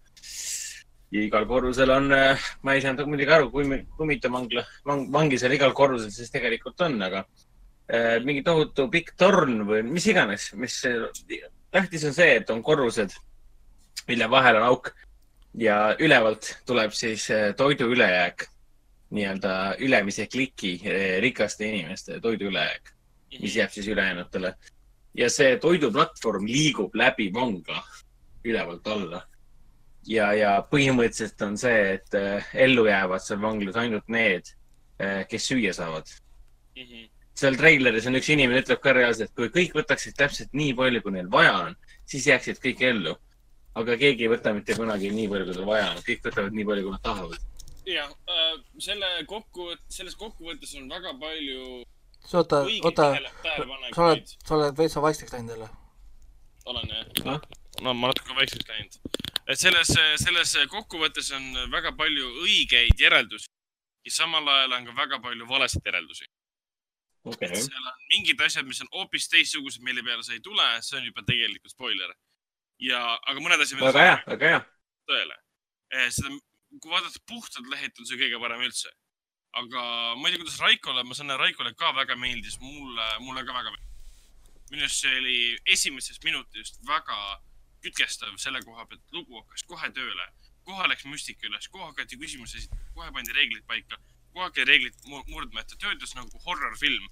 paneb paika oma reeglid, kuidas töötab killer, kuidas töötab süsteem, kuidas töötab kõiksugused asjad. ja siis hakkavad mingi suured, kuidas nüüd öelda, suuremad ambitsioonid tööle, lähtuvad siis peategelase eh, tahtmistest ja siis tegelikest soovidest. aga, aga ja mulle, mulle väga meeldis, see oleks, seda oleks võinud vabalt näidata kasvõi HÖFFil, kui ta ei oleks tulnud Netflixi. Ja aga seda võiks siiamaani Jõhvil äh, näidata, et ta on väga hõ- hõ- hõhvilik film, sest tal on, tal on see häiriv element juures, sa, et sa vahepeal pead korraks ära võib-olla keerama pea, sest, oo jah, sest, äh, oo jah. sest, oo, sest, mis mõttes, oo-head on palju või? ei palju, võib-olla palju ja võib-olla ei oleks, aga siiski on momente, kus ma võib-olla ka vaatasin võib-olla ekraanid ära, et ei olnud ei pea võib-olla kõike vaatama, onju. et äh, noh, selles mõttes, ma ei tea, kas ta on õudusfilm, vaata mind häiris tegelikult selle filmi lõpp, ma ei tea lõpus spoilida onju, mitte midagi. aga mind tegelikult häiris, et nad veitsa tegid niisuguse opt-out lahendi tegid. et nad ei, tegelikult nad ei tahtnud võtta endale seda vastutust, et asju seletada ja siis jätavad kõik Jah. mi- minule. mulle, mulle tegelikult see ei meeldinud nagu, et nad jätsid selle minu-, noh nagu minule vaatajale teha selle. jah, mulle, mulle see ka ei istunud, ma ootasin filmilt mingisuguseid, mingisugust enda konstruktsiooni No, sellest, jah, mida mingisuguse mingisuguse lõpu nagu nende versiooni, anna siis, jäta, jäta mulle mingisugune enda versioon, aga siin nad tegid lihtsalt seda, et aa, kuule, aga me nüüd astume siin välja, onju, sest meil, meie tegelikult võib-olla ei teagi vastust, sina nüüd mõtle edasi. nagu, et see, et see veits, see mulle veitsa nagu jättis niisuguse halva Samas-, halva mulje. samas oli tunda, et nad, kui nad tahavad, siis nad saavad sellest teha nagu väga palju äh, samalaadseid filme veel või mingi järgesid arendada põhimõtteliselt äh, kes on selle nagu, nagu Hendrik ütles, vangla loonud, ütleme sinna edasi minna, kõik siuksed no asjad siis. tahaks teha palju, sa saaks, saaks teha nagu see The Cube frantsiisi ju põhimõtteliselt teha sellest. nojah, me kõik teame, kuidas see frantsiis lõppes, et No äh, jah, et- esimene, esimene osa oli hea ja ülejäänud olid eh,, et see põhimõtteliselt läheks, läheks sa- samamoodi, kui nad hakkaks seda nagu jah.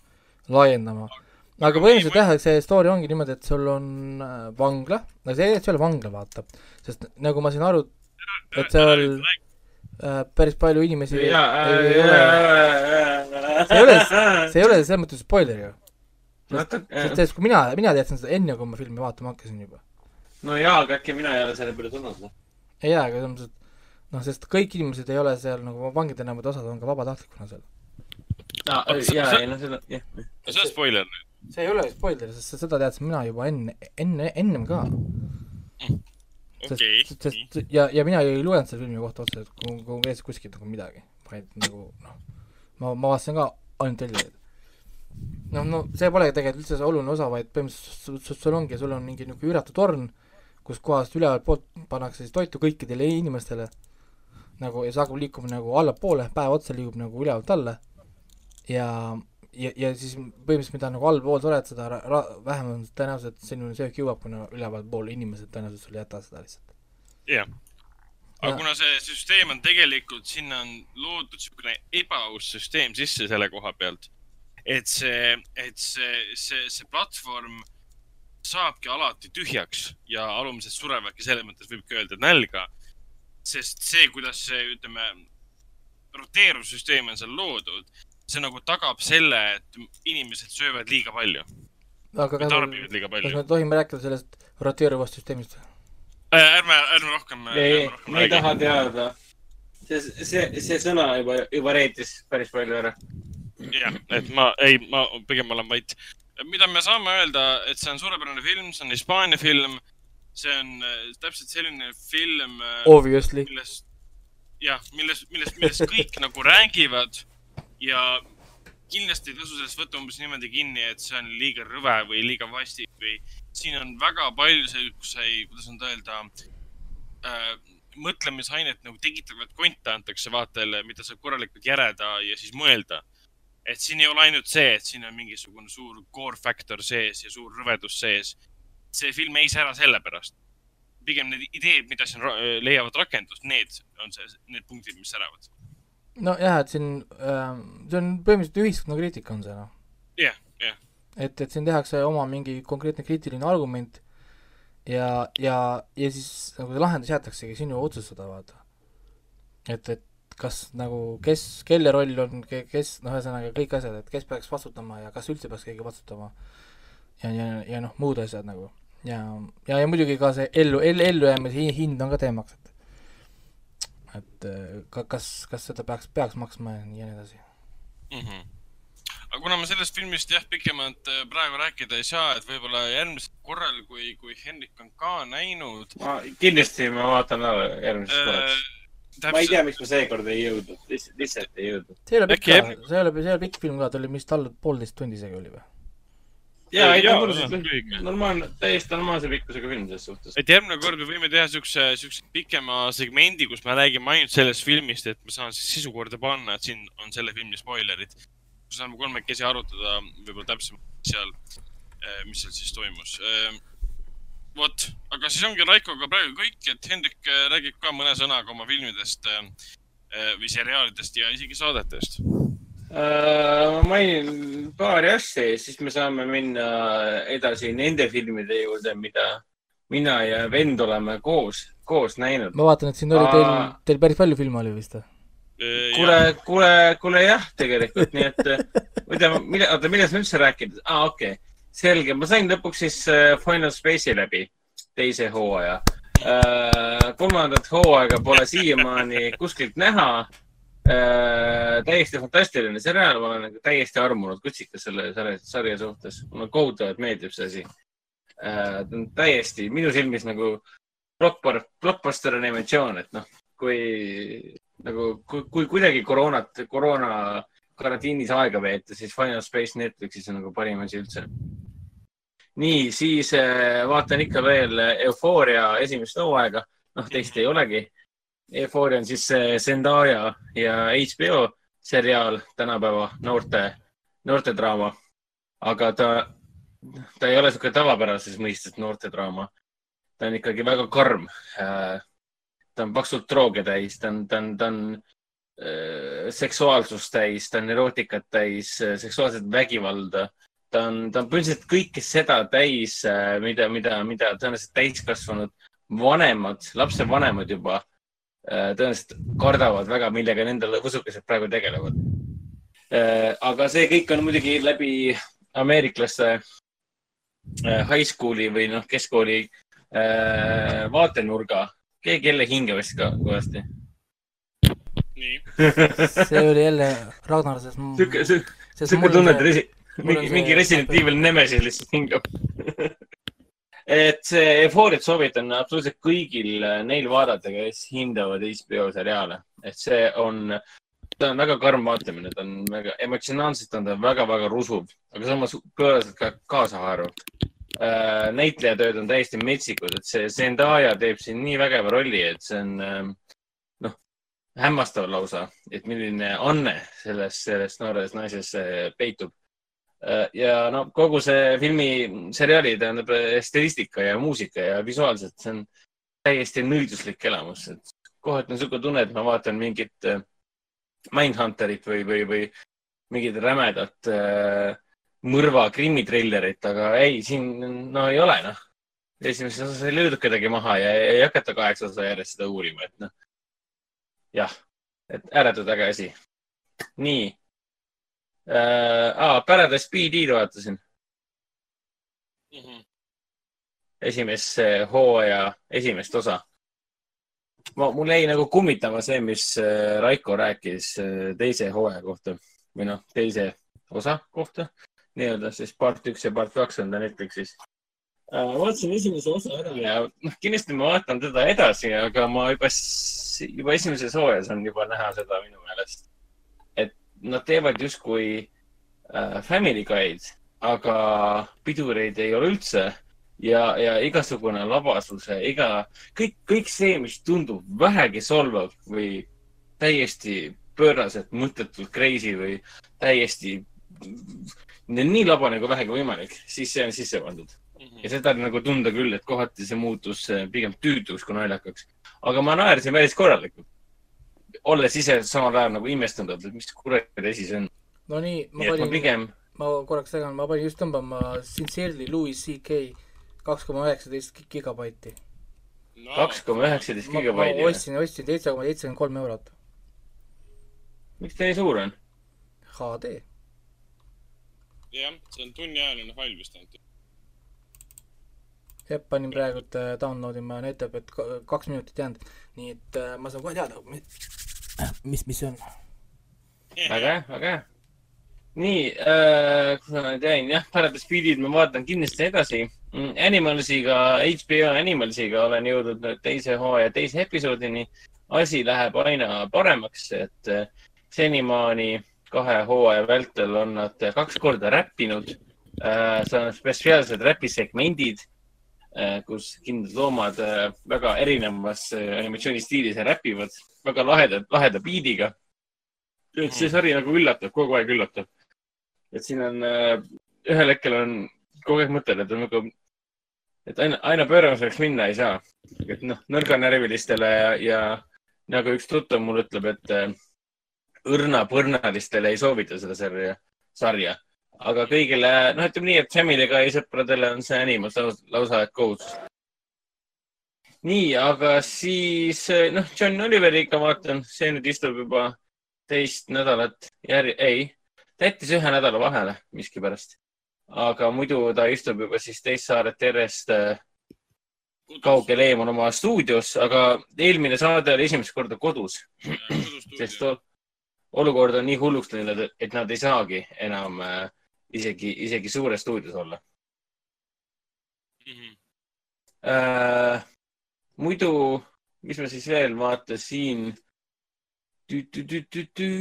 aa, Dragon Prince, võtsin ette Dragon Prince'i. see on siis, ja mismoodi see on, sest ma olen tükk aega mõelnud, kas seda vaadata või mitte ja ma pole siiamaani vaada- vaadanud seda. sellel on, mis ta nüüd sai, kas tal on kolm hooaega praegu Netflixis, kui ma nüüd ei eksi? Ta on lühike ka, mingi kahekümne minutist episood, nagu nad ikka peavad olema. noh, ta on nagu see Avatar The Last Airbender äh, seriaal, et episoodid. jah, ehk siis Dragon Bridge on animaseriaal draakonitest, maagidest ja, ja haldjatest. ja selle sarja, miks ma seda üldse vaatama hakkasin, muidu poleks üldse vaatama, vaatama hakanudki. et selle sarja üks produtsentidest, sarja üks loojatest on ju äh, Avatar The Last Airbenderi seriaali looja Mhm. Ja sarja ühele peategelasele Hanna Pääle äh,. issand, mis selle Katara venna nimi oli? Avatar The Last, Soka, Soka. ja äh, sarja ühe peategelase annab siis Avatar The Last Airbenderi tegelase Soka hääletegija, Mhm. mis on väga mõnus vaadata taaskord nagu, et sa, sama tiim on mingis osas nagu tagasi tulnud. Ma ei ole nüüd äh, väga suures vaimustuses, ma jõudsin ju tehniliselt alles äh, neljanda episoodini. muidu oleks ta nagu Avatar The Last Airbenderi mm, tasemel, siis ma oleksin tõenäoliselt kohe juti ära vaadanud. või kui ta oleks sama hea olnud kui näiteks Keepo and Age of Wonder Beast või Final Space, siis ma oleksin noh, söönud seda põhimõtteliselt nagu õginud sisse nii-öelda. Aga mulle ta iseenesest meeldib, mis mind kõige rohkem nagu häirib, on see, et on äh, need 3D mudelid, tegelaste 3D mudelid. Nad on äh, veits äh, jäigad.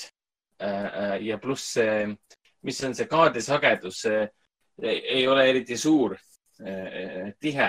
Ehk siis on noh, see on, ta on 3D mudel, mudelid jooksevad, see modellatsioonid jooksevad ringi ja nad on äh,, kuidas seda nüüd öelda, katkendikud kõnnivad ehk siis äh, ei ole tõenäoliselt esimeses hooajas, ma ei tea, kas teises ja kolmandas see asi muutub veits, aga ma ei tea, kas asi oli siis äkki selles äh, ajas ja, ja rahas.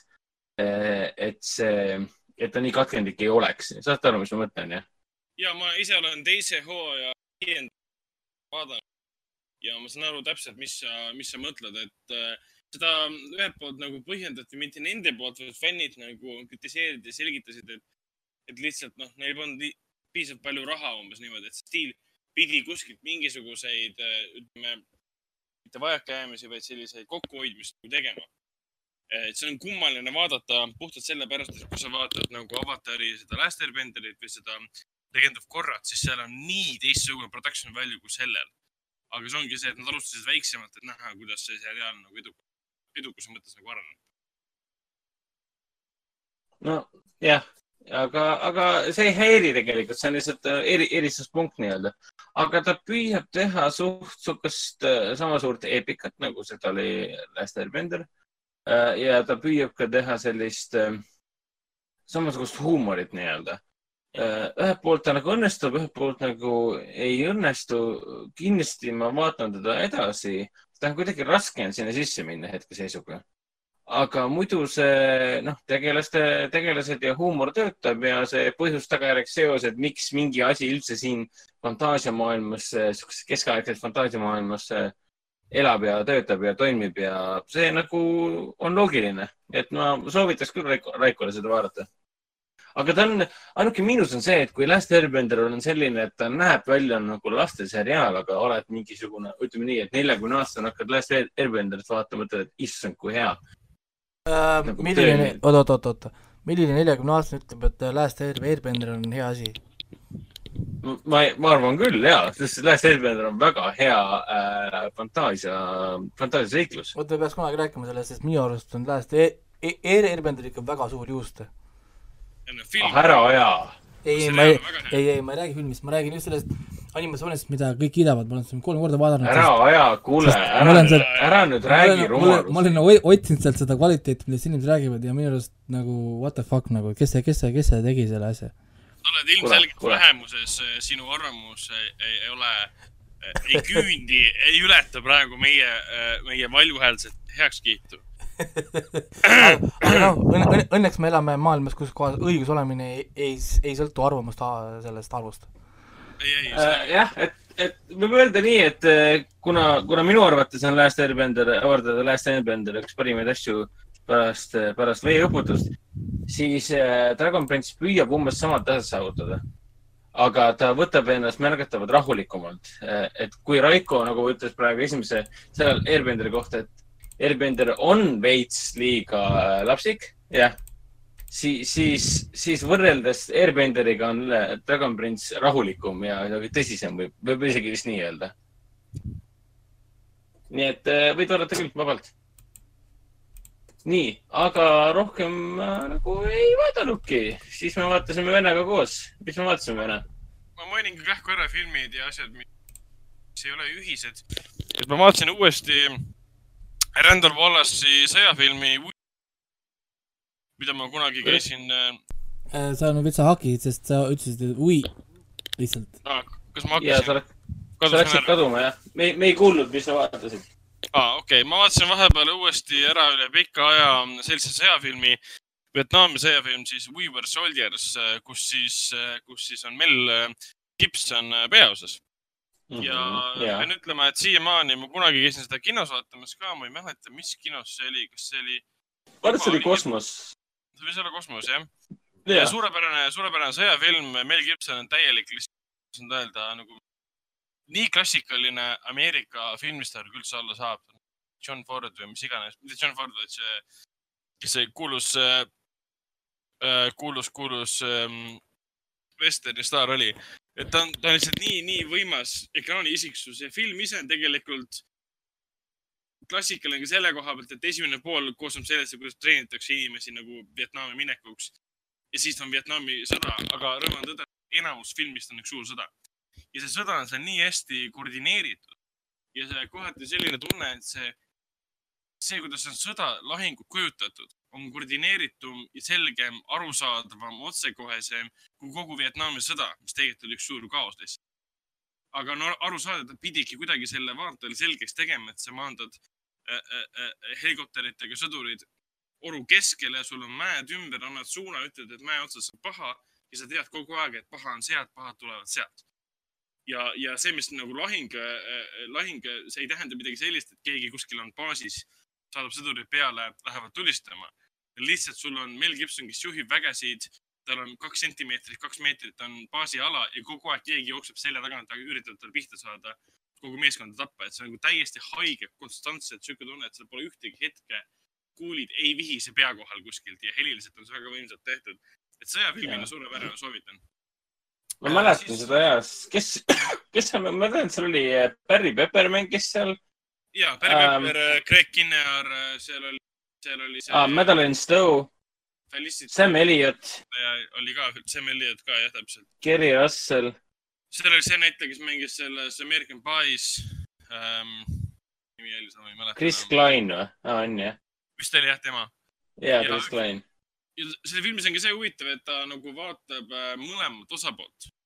et ta annab äh, mitte küll sama palju, aga ta vaatab mõlemat osapoolt ehk siis nii Vietnami sõdureid, on see siis äh, ülemjuhatus nii-öelda on the ground või siis on lihtsalt sõduriid ja annab neile ka sellise äh, isikliku vaatepunkti selle koha pealt, et sõdur te teisel vaenupoolel palub ka jumalat, et ma suudaksin võita oma vaenlase juhib ka oma sõdureid, hoolib ka nendest sama palju, kui Mel Gibsoni karakter hoolib oma sõduritest. ta annab sellise, kuidas nüüd öelda, ühise sellise tasandpildi, et ei ole olemas mustvalget vaatepilti, et vietnamlased on halvad, neil, nad pole inimesed, nad on tegelikult ka inimesed, neil on ka kodus ema ja isa ja vanemad ja armastatud, mis iganes, et selle koha pealt annab ka. Aga kohati ta on nii üle võlli Ameerika film, kui üldse olla saab, et seal üks tegelane sureb ja siis ta ütleb siukse lause, et mul on väga õnnelik, et ma surin oma riigi eest, et see on mingi, oh god. Hollywood patri-, patriotism. aga samas ta ütleb seda umbes niimoodi sellises olukorras, kus sa nagu näed, et ma üldse ei imesta, et ta seda ütleb.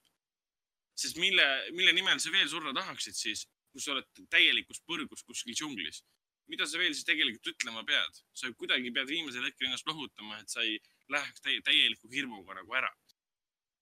selles mõttes see oli nagu ära põhjendatud küll, aga Randall Wallace oli selle filmi ja Randall Wallace äh, praegu vist äh, kirjutab siis Mel Gibsoniga selle ja, ja, ja, Passion of, Passion of Christ järjefilmi, Resurrection of Christ, mis väidetavalt olevat mingil kujul juba vahepeal võttesse läinud. et Mel Gibson Jaa. jälle lavastab. ja Jaa. Simon Wiesel tuleb vist tagasi ja siis Jeesus ütleb. ma ei tea täpselt, millest see räägib, sest tegelikult me nägime ju Jeesuse ülestõusmise ära äh, Passion of Christ'i filmis, nii et ma ei tea konkreetselt, mida nad lahkavad selles äh, järgmises filmis. aga igatahes kiiresti mainin ära, et siis Netflixi. ei, oota, aga mis mõttes? Passion of the Christ lõppes Jeesuse surmaga. no Jaa, jaa, kuidas aga Jeesus tõuseb ju ülesse. ja see ongi ülestõusmine. ja aga filmis oli ülestõusmine, noh. filmis oli ülestõusmine ka ära. oli või? Passionis? Minu arust oli küll jah, see ei lõppenud ainult tema surmaga, seal oli ülestõusmine ka. leiti. ei olnud, minu meelest ta seal piinati surnuks ja oli kõik, noh. ei, minu arust see minu, kas ei olnud mitte niimoodi, et see oli nagu see äh, off-screen oli vaata see, kus see kaamera liikus ära ja siis äh, inimesed lähevad, lähevad vaata nagu sinna äh, tema ha- hauakambrisse mingi viima, kaamera liigub, liigub ära ja siis nad jooksevad nagu paaniliselt noh, nagu minema, umbes vihje, et Jeesus on läinud, aga meile tegelikult ei näita seda. Kas see on mingi selline või?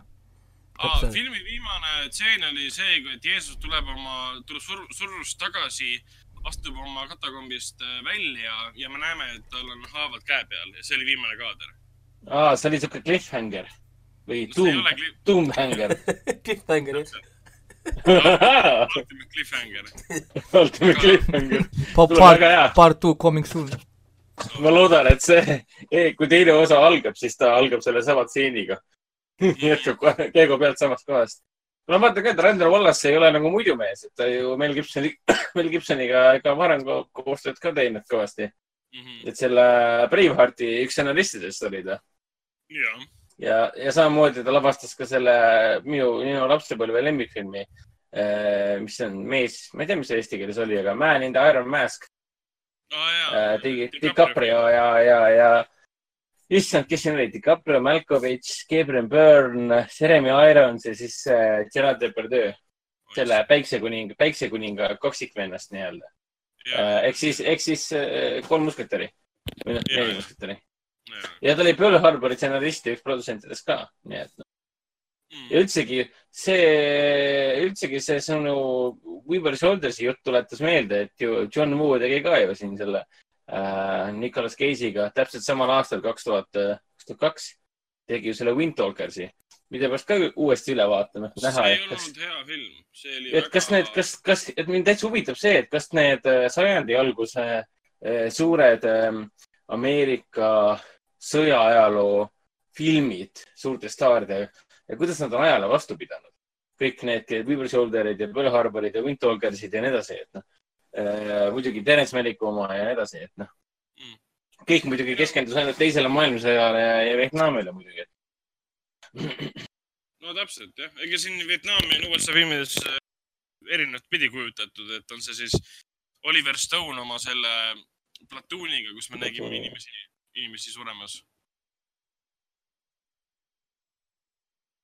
no kuidas nii, korraks jäi kõik nii vaikseks. mis siin toimus, keegi kadus ära või? Vene, ei, ma olen olemas täitsa, mul tundus Aa, ah,, okei. et teie ära. okei okay., selge. kuule, aga mis me siis, mis me siis koos vaatasime? ma mainin veel ära, et Netflixi okei. okay. Community äh,, hakkasin uuesti vaatama, suurepärane seriaal Dan Harmoni oma. nüüd maikuus jätkub tema siis äh, teise seriaali äh, Rick and Morty hooaeg äh,. neljas hooaeg siis äh,, siis ma hakkasin Family Guy kõige viimast hooaega vaatama, sest seda ma ei olnud vaadanud. See on ka Netflixis siis, siis ma võtsin ette HBO seriaali The Plot Against America, mis on päris äge, põhineb ühel romaanil, mida ma ei ole lugenud.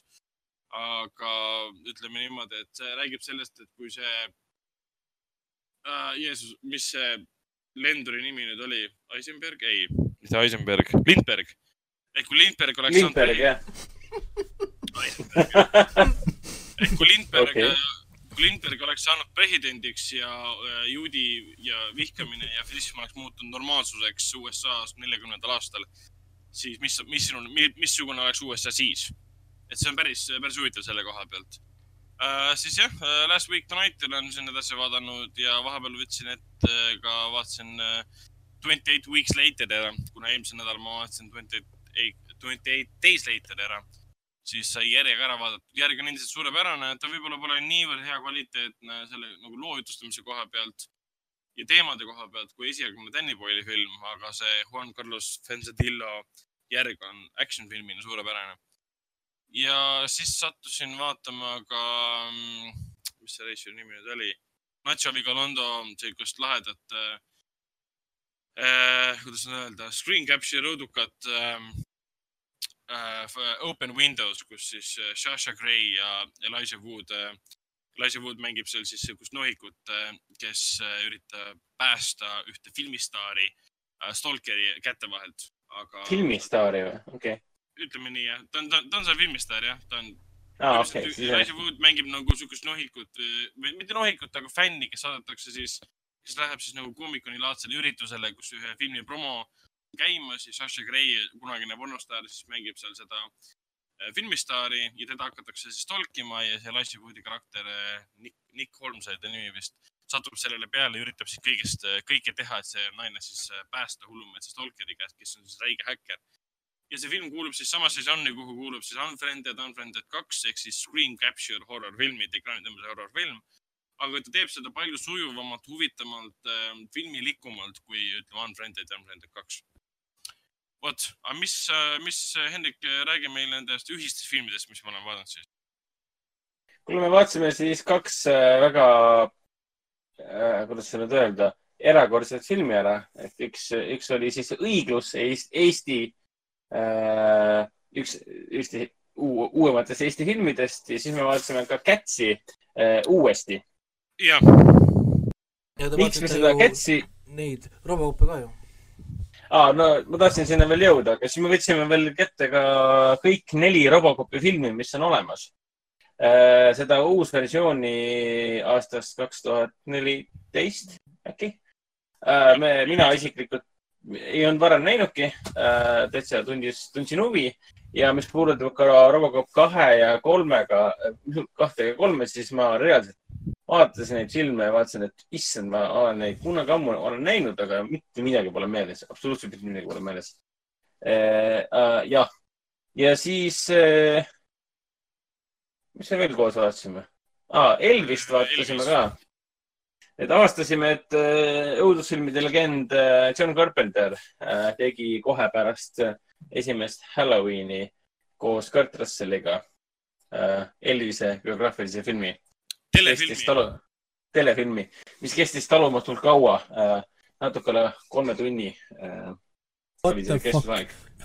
jah, Vau, kaks tundi ja mingi viiskümmend minutit umbes. see oli päris crazy, see oli päris crazy. nii, aga kui rääkida õiglusest, siis, siis õiglus on ähm, ütleme nii, et see on erakordne nii mõneski mõttes. ütleme nii, et ma äh, vaataksin seda hea meelega ka kinoekraanil uuesti ja mul on väga kahju, et äh, praeguse seisuga minu teada äh, HÖFF ei saa Haapsalus ju, ju toimuda või ühel hetkel äkki saab siiski või ta kolib internetti, seda me ei tea, mis hetkel toimub. aga õiglus pidi ju seal esilinastuma või noh, mitte esilinastuma, aga noh, reaalselt ka kinoekraanidele jõudma, sest õiglus ei ole korrektselt äh, kinolevisse jõudnudki no tegelikult. oota, aga kuidas, kus te seda siis vaatasite? et ta on Aa, Youtube'is ta- üleval. ta on Youtube'is üleval ja, Toomas Arija, kes on filmi reisijal ja produtsent ja rahastaja ja kõik see, tema enda Youtube'i konto. et see on unlisted, seda ei saa nagu otsida Youtube'is, aga kui sa tead, otsid üles Toomas Arija, siis selle Youtube'i konto, siis leiad selle filmi sealt üles. vot sulle saite praegu niisugust skuupi praegu. nojah, ma testin igaks juhuks, kas ma leian selle ise. ma küll ei leia. Unlisted sa saad ainult siis, kui sul on link, konkreetne link. ja, see on ka lingi. meil on, siis- meil on mingist, mingist ajast oli meil link alles jäänud, kui see reaalselt õiglus pandigi interneti üle, sinna Youtube'i ülesse. aa, okei, okei. veider. siis ta on unlisted jah, see tähendab, et sa ei saagi seda search ida. aga noh, point ongi selles, et äh, ühel hetkel, ma ei tea, mingi segastel asjaoludel ta ju, Apollo kinos oli tal see kinnine pidulik esilinastus ära ja pärast seda äh, ükski kino teda levitamiseks ei võtnud. ja tulemus oli see, et korraks pandi ta Youtube ülesse, aga juba loetud minutitega või noh, ütleme nii, et nädalatega võeti ta, ta kohe maha ka. aga ta, ju siis ta jäi unlisted'iks. aga jah, mis sa arvad, Ena? oli erakordne film või? selles mõttes, et äh, kohutav, kohutav äh, rämps, võib selle, selle pealt öelda rämps, et äh, helikvaliteet on olematu, aga selle taga seisab kõik see, et tehti sõna otseses mõttes põlve otsas äh, operaatori töö, noh, seda ei saaks nagu operaatori tööks isegi nimetada. sellepärast et noh, see ei vasta ühelegi kriteeriumile selle koha pealt, mida on, ma ei tea, kasvõi filmikoolis õpetatud või kuidas üks film peaks välja nägema. ta on, ta on, aga ta on sootuks parem kui mis iganes amatöörlik äh, lühifilm või film või mis iganes versioon filmist, mis sa Youtube'ist leiad näiteks äh,. ta on ta on, on parem, ta on parem kui Cats selles suhtes. ja ta on parem kui Cats, see on nagu selge, et üks mingi kakssada miljonit ja teine on mingi viissada eurot või viissada eurot, palju see lõpus sinna alla läks. ei no mina, mina ütleks selle filmi kohta Talumatu rämps, et see on, ta on Ei, ei, amatöörfilmi ma- tegijate. ma, ma ei öelnud talumatu. ta on, on amatöör, amatöör, okei okay,, see oli minu sõna, ta on amatöörfilmi tegijate äh, suure, suure töö tulemus selles suhtes. ja noh, iga kaader karjub ja kriiskab, et ma olen amatöörfilmi tegija. aga mulle väga meeldis selle filmi juures see, et äh, kuivõrd äh, suure tüki nad esiteks ette võtsid ja, ja kui suure kiindumusega nad selle asja lõpuni tegid, sõltumata ilmselgest tehnilisest praagist, mis, mis nagu katkuna jälitas kogu filmi algusest lõpuni, viimase sekundi. mm.. ei, ta on südamega tehtud selle koha pealt, et süda oli õige koha peal. noh, kuna sellel filmil, noh, ilmselgelt nagu stsenaariumit kui sellist äh, võis olla, aga see lihtsalt ei, ta ei olnud funktsioneeriv stsenaarium, see lugu oli nii ja naa kokku tõmmatud, seal oli, noh, selles mõttes on näha, et see pole tehtud inimeste poolt, kes oskavad filmi teha, aga nad tegid ikkagi filmi valmis, sest neil oli soov filmi teha ja ta on täiesti vaadatav seltskonnaga üksi, ma ei usu, et keegi suudaks selle lõpuni vaadata. aga mm, seltskonnaga teda vaadata on tore, sest sa ei naera tegelikult filmi üle, sa naerad sellega kaasa. on see siis tahtmatu selline tagumatu huumor või mitte. kohati see, kuidas inimesed näitlevad, see on lihtsalt niimoodi, et nagu The Room'i kvaliteet, Tommy Wiseau kvaliteet juba. aga see omandabki nagu, kui sa nimetad filmi Tommy Wiseau The Room'i sarnaseks, siis see on juba tegelikult kiitus ja õiglus ongi, peaaegu jõuab sinna The Room'i juurde, kuigi The Room'i äh, nagu eelarve oli väidetavalt mingi mitu miljonit, aga noh, see kuskile nagu ei läinud väga, sest filmis välja, ra- raha nagu ei väga väljendu. jah. ja, et nagu ütleme nii, et mina ootan seda aega, mil saaks seda kinos näha Mhm. ja, ja äh, selles mõttes, et mina, mina teeksin äh, pärast selle, kui ma oleksin seda filmi kinos näinud koos filmi tegijatega, siis ma oleksin tõenäoliselt kõige kauem plaksutanud. jah, ei tubli, tubli töö, absoluutselt tubli töö ja ma ei ütleks ühtegi sellist, sellist, ma ma ütlen, Ramps, siis see, see tegelikult on Ramps film. selle ta on rämpsfilm ja, tema, Sellest tema on- žanr on rämpsfilm, muidugi. Jaa. sa ei saa ühegi nagu kaine mõistusega inimene, sa ei saa objektiivselt öelda, et see on hea film. ta ei ole seda, olgem ausad, tegelikult see, see ei ole solvang Toomas Härja pihta, see ei ole solvang tegijate, asjaarmastajate kohta, see on lihtsalt fakt, et see film eh, ei vasta mitte ühelegi standardile. aga see ei tähenda, ma pean siin silmas pigem nagu tehnilist kvaliteeti. sellepärast, et see, mida näitlejad teevad ja see, mida reisijad on üritanud teha ja mida nad üritavad filmiga kokku teha, see tegelikult sellisel väga pullil kujul töötab.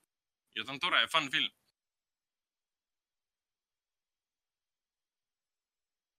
jah, nõus, täiesti nõus. kuule, aga kuidas siis äh,, mis selle Kätsiga on? Kätsi vaatasime teist korda uuesti ja näitasime tuttavatele, tuttavatele ka, kes polnud seda näinud. endiselt äh, kohutavalt halb film. kõik laulud on liiga pikad, ükski laul ei vii lugu edasi, karakterid on olematud, eriti peategelane, tühi, lihtsalt tühi tegelane.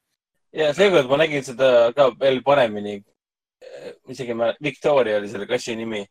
Et põhimõtteliselt ma, ma ei ole nii tühja peategelast äh, nagu väga pikki aastaid näinud. et nagu peategelane, kellest mitte midagi ei sõltu ja kes sõna otseses mõttes ei, ütleb väga väheseid sõnu Mm. ja laulab ka väga vähe. kellel nagu, kes, kes ei olegi peategelane. ma, lõpuks ma sain aru, et filmi peategelane oli laulmine eh, või noh, kassid üldiselt nii-öelda.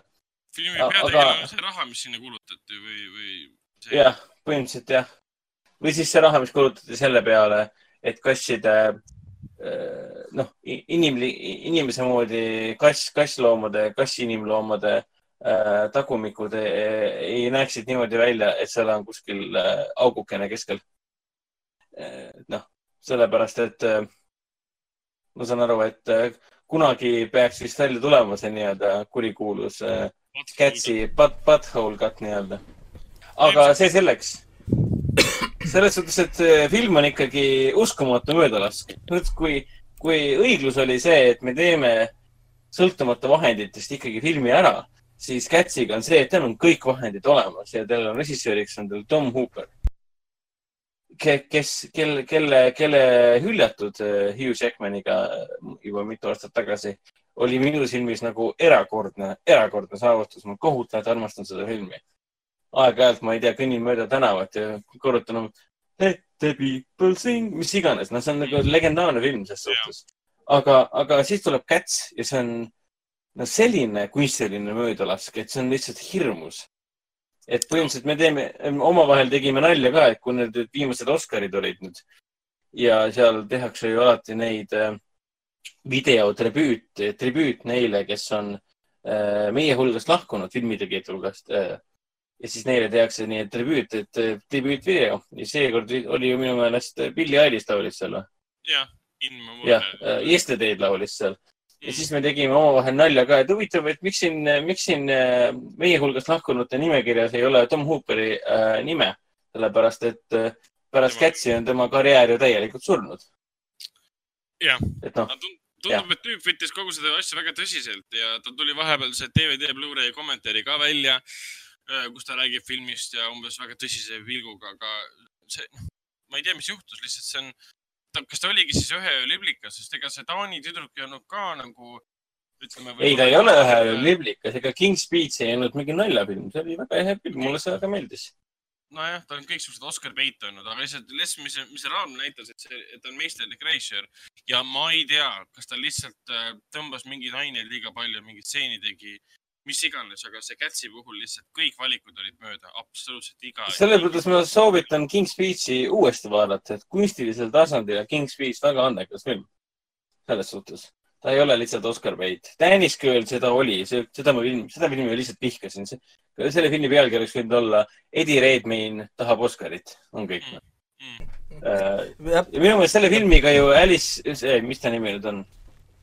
kurat, Jones oligi vist või? ei, kes ta naist mängis? on ju Äh, Jones, tund-, Felicity Jones või? ei, Tomb Raider, Tomb Raideri aa, see Vikander, Vikander. oli tal, see on seal naine või? kas Vikander saigi ju Dan- Danish Girliga Oscari? äh,. kui ma ei eksi, siis äh, jah, Minu naiskõrval. meelest sai. ja täiesti absurdne, siukse rolli eest ja sellise filmi eest antakse Oscareid, et noh, jah. mis siis, et vajalik film ja kõik see, aga no okei okay,, ma ei taha rantida sel teemal praegu. lihtsalt Cats on kohutav rämps, aga ainukene asi, mis ma teistkordsel vaatamisel avastasin, et see, see, et Jennifer Hudson teeb seal seda äh, ninast ja suust ja, ja silmadest äh, pritsivat äh, äh, ilanäitlemist, et ma nüüd la- laulan seda kuulsat, mis on Mhm. Memories või? kuulsat Memory. On the moonlight uh,. ulu, ulumeelselt seda Oscari laulu nii-öelda, mis on Catsis kõige tuntum laul tõenäoliselt um,. see mul üldse korda ei läinud, see oli lihtsalt niisugune rä- räme rebimine. see, niisugune tunne oli kohati, et Jennifer Hudson tuli võtteplatsile. okei okay,, ma nüüd äh, teen veits kassi nägu ja äkki saan Oscari kätte hmm.. aga mis ma avastasin hoopis seda, et äh, see Francesca Hayward, kes on vist professionaalne näit-, tantsija, kes seda Victoriat, seda petegelaskasti üldse mängib. tema laulis ju sisse selle Beautiful Ghost'i, mis on äh, täiesti uus laul, mis Taylor koos Swift. äh, Weberi ja Andrew Lloyd Weberi ja selle Taylor Swiftiga kirjutati ja loodi põhimõtteliselt filmi, filmiversiooni jaoks. et ma avastasin, et see laul ja see esitus, kuidas Hayward seda filmis äh, olles kass äh, laulab, on erakordselt ilus. ja ma leidsin, et see on ainukene moment selles filmis, mis on tõesti hea, siiralt hea.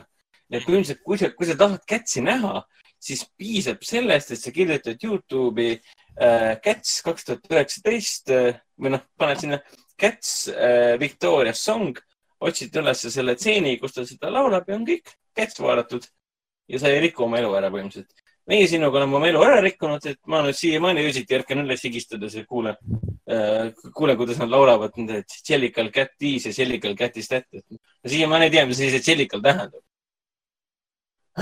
nii.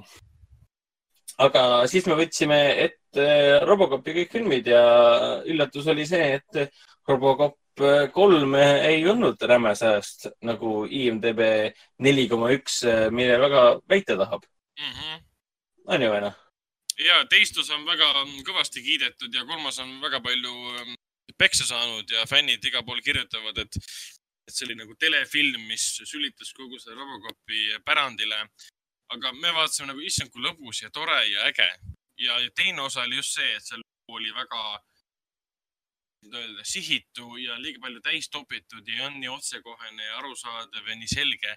lõppude, lõpuks on ikkagi, see on ro robotis, kes tapab satiirilises, paroodilises, äh, korporatiivsete äh, teemadel nalja tegevas filmis äh, lugematul koguses inimesi.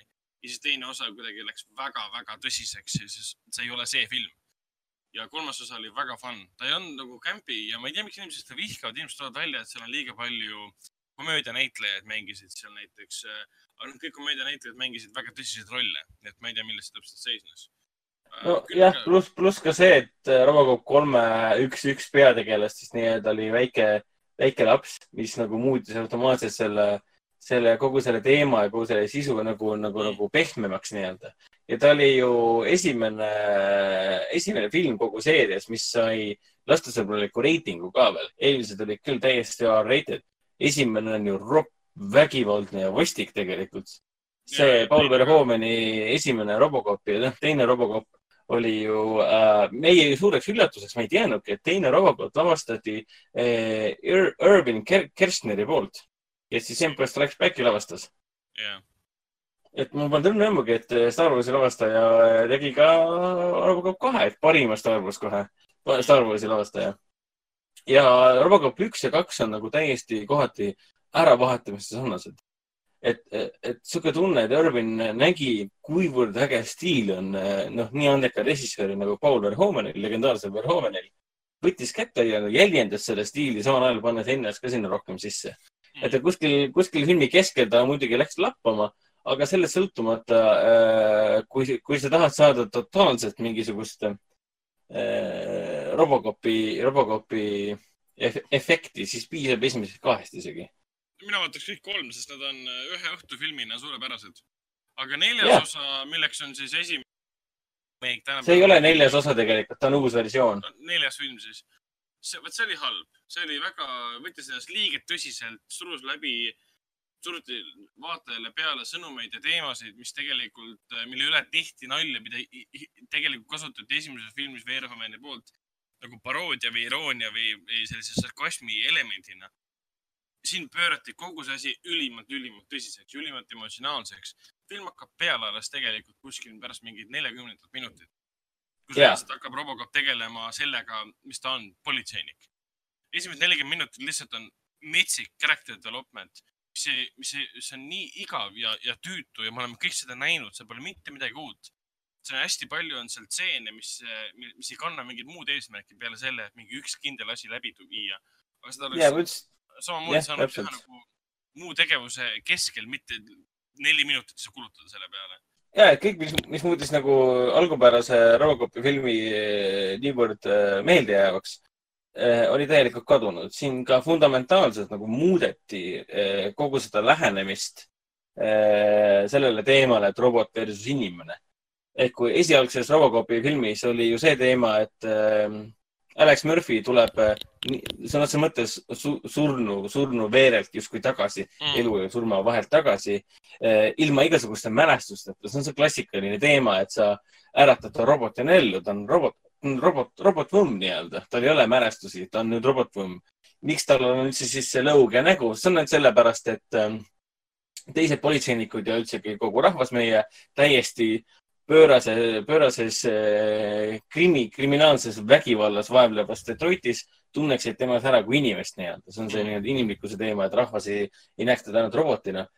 ja siis esimeses Robocopis on see teema, et alles pärast seda hakkab vaikselt sisse tulema see inimlik teema, et Robocopile hakkab meelde tulema, kes ta tegelikult oli yeah,. Yeah. ja siis alles hakatakse küsima neid suuri küsimusi, et kas ma olen robot või inimene mm.. selles uues filmis neid siin üldse ei huvita see, üldse ei koti see siin nad, äh, nad ei küsigi seda küsimust, nad panevad ta kohe inimeseks.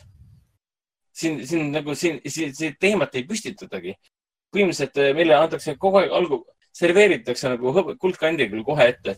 tema on Alex Murphy, ta on äh, politseinik, ta saab surma, ta tuleb tagasi, ta ei tule tagasi robotina, ta teab väga hästi, kes ta on, ta tuleb tagasi inimesena ja siis esimesed nelikümmend minutit lihtsalt on see, et kuidas on täiesti pööraselt äh, maitsetud äh, juustused stseenid, kuidas siis Robocop tuleb Joel Kinnamanina oma, oma naise ja lapse juurde äh, ja, ja kuidas ta näeb neid uuesti ja siis on kõik nii emotsionaalne ja nii juustune ja nii edasi, nii edasi, nii edasi.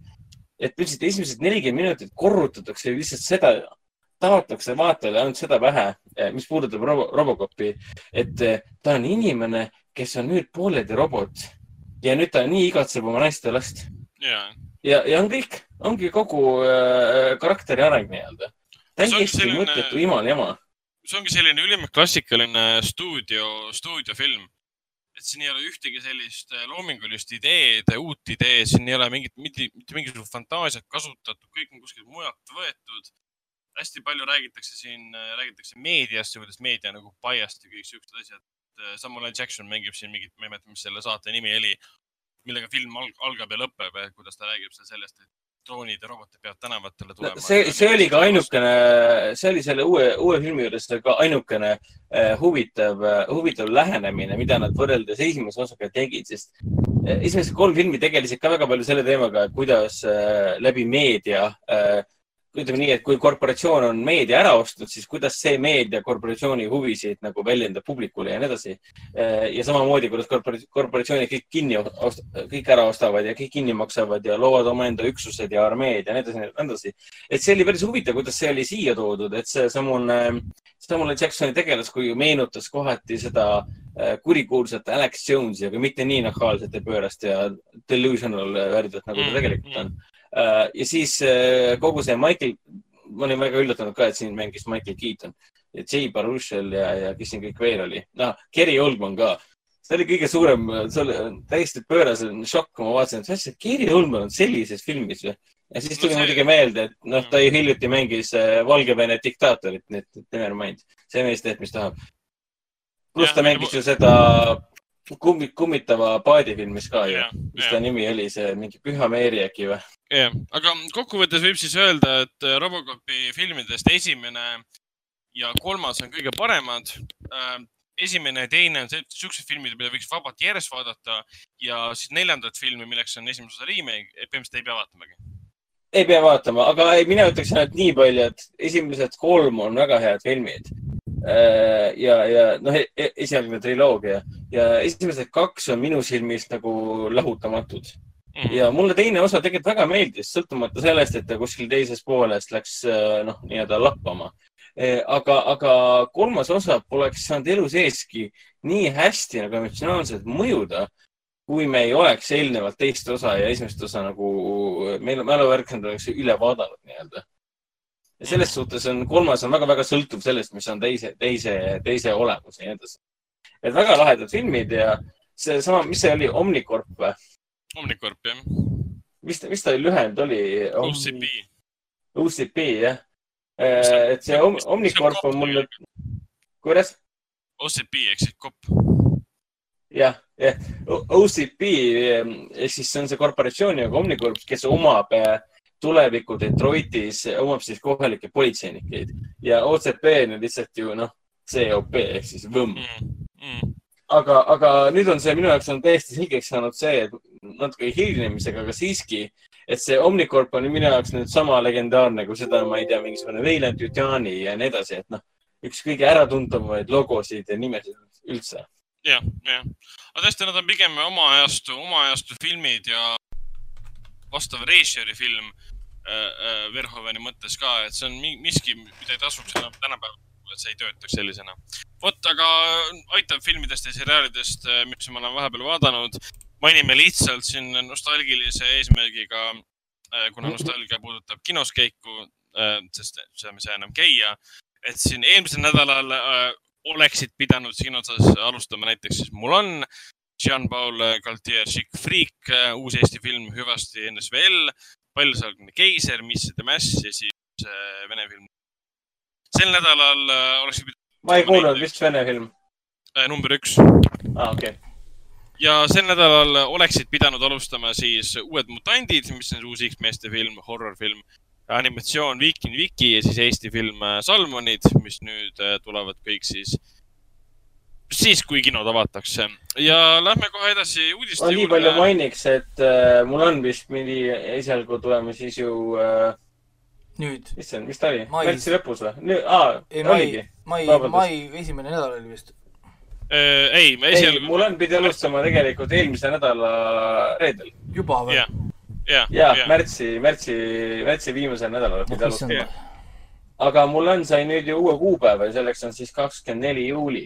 ja sellest tahtsingi äh... uudiste all äh, pikemalt äh, rääkida, et need kõik need kuupäevad, et kohe, kohe jõuame sinna äh,. mainime ära võib-olla selle, et äh, järgmisel nädalal ma räägin uuesti sellisest filmist nagu äh, Train to Busan. Sellele tuleb, see on kaks tuhat kuusteist aasta siis Lõuna-Korea mm, zombifilm.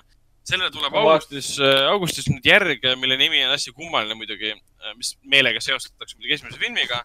Train to Busan Presents Peninsula, mis põhimõtteliselt on jah järg ehk siis minu jaoks spoilis ära kogu esimese filmi, et nüüd ma tean, millega esimene film lõpeb, et kogu Lõuna-Korea või siis maailm on vallutatud zombide poolt ja inimesed üritavad seal ellu jääda.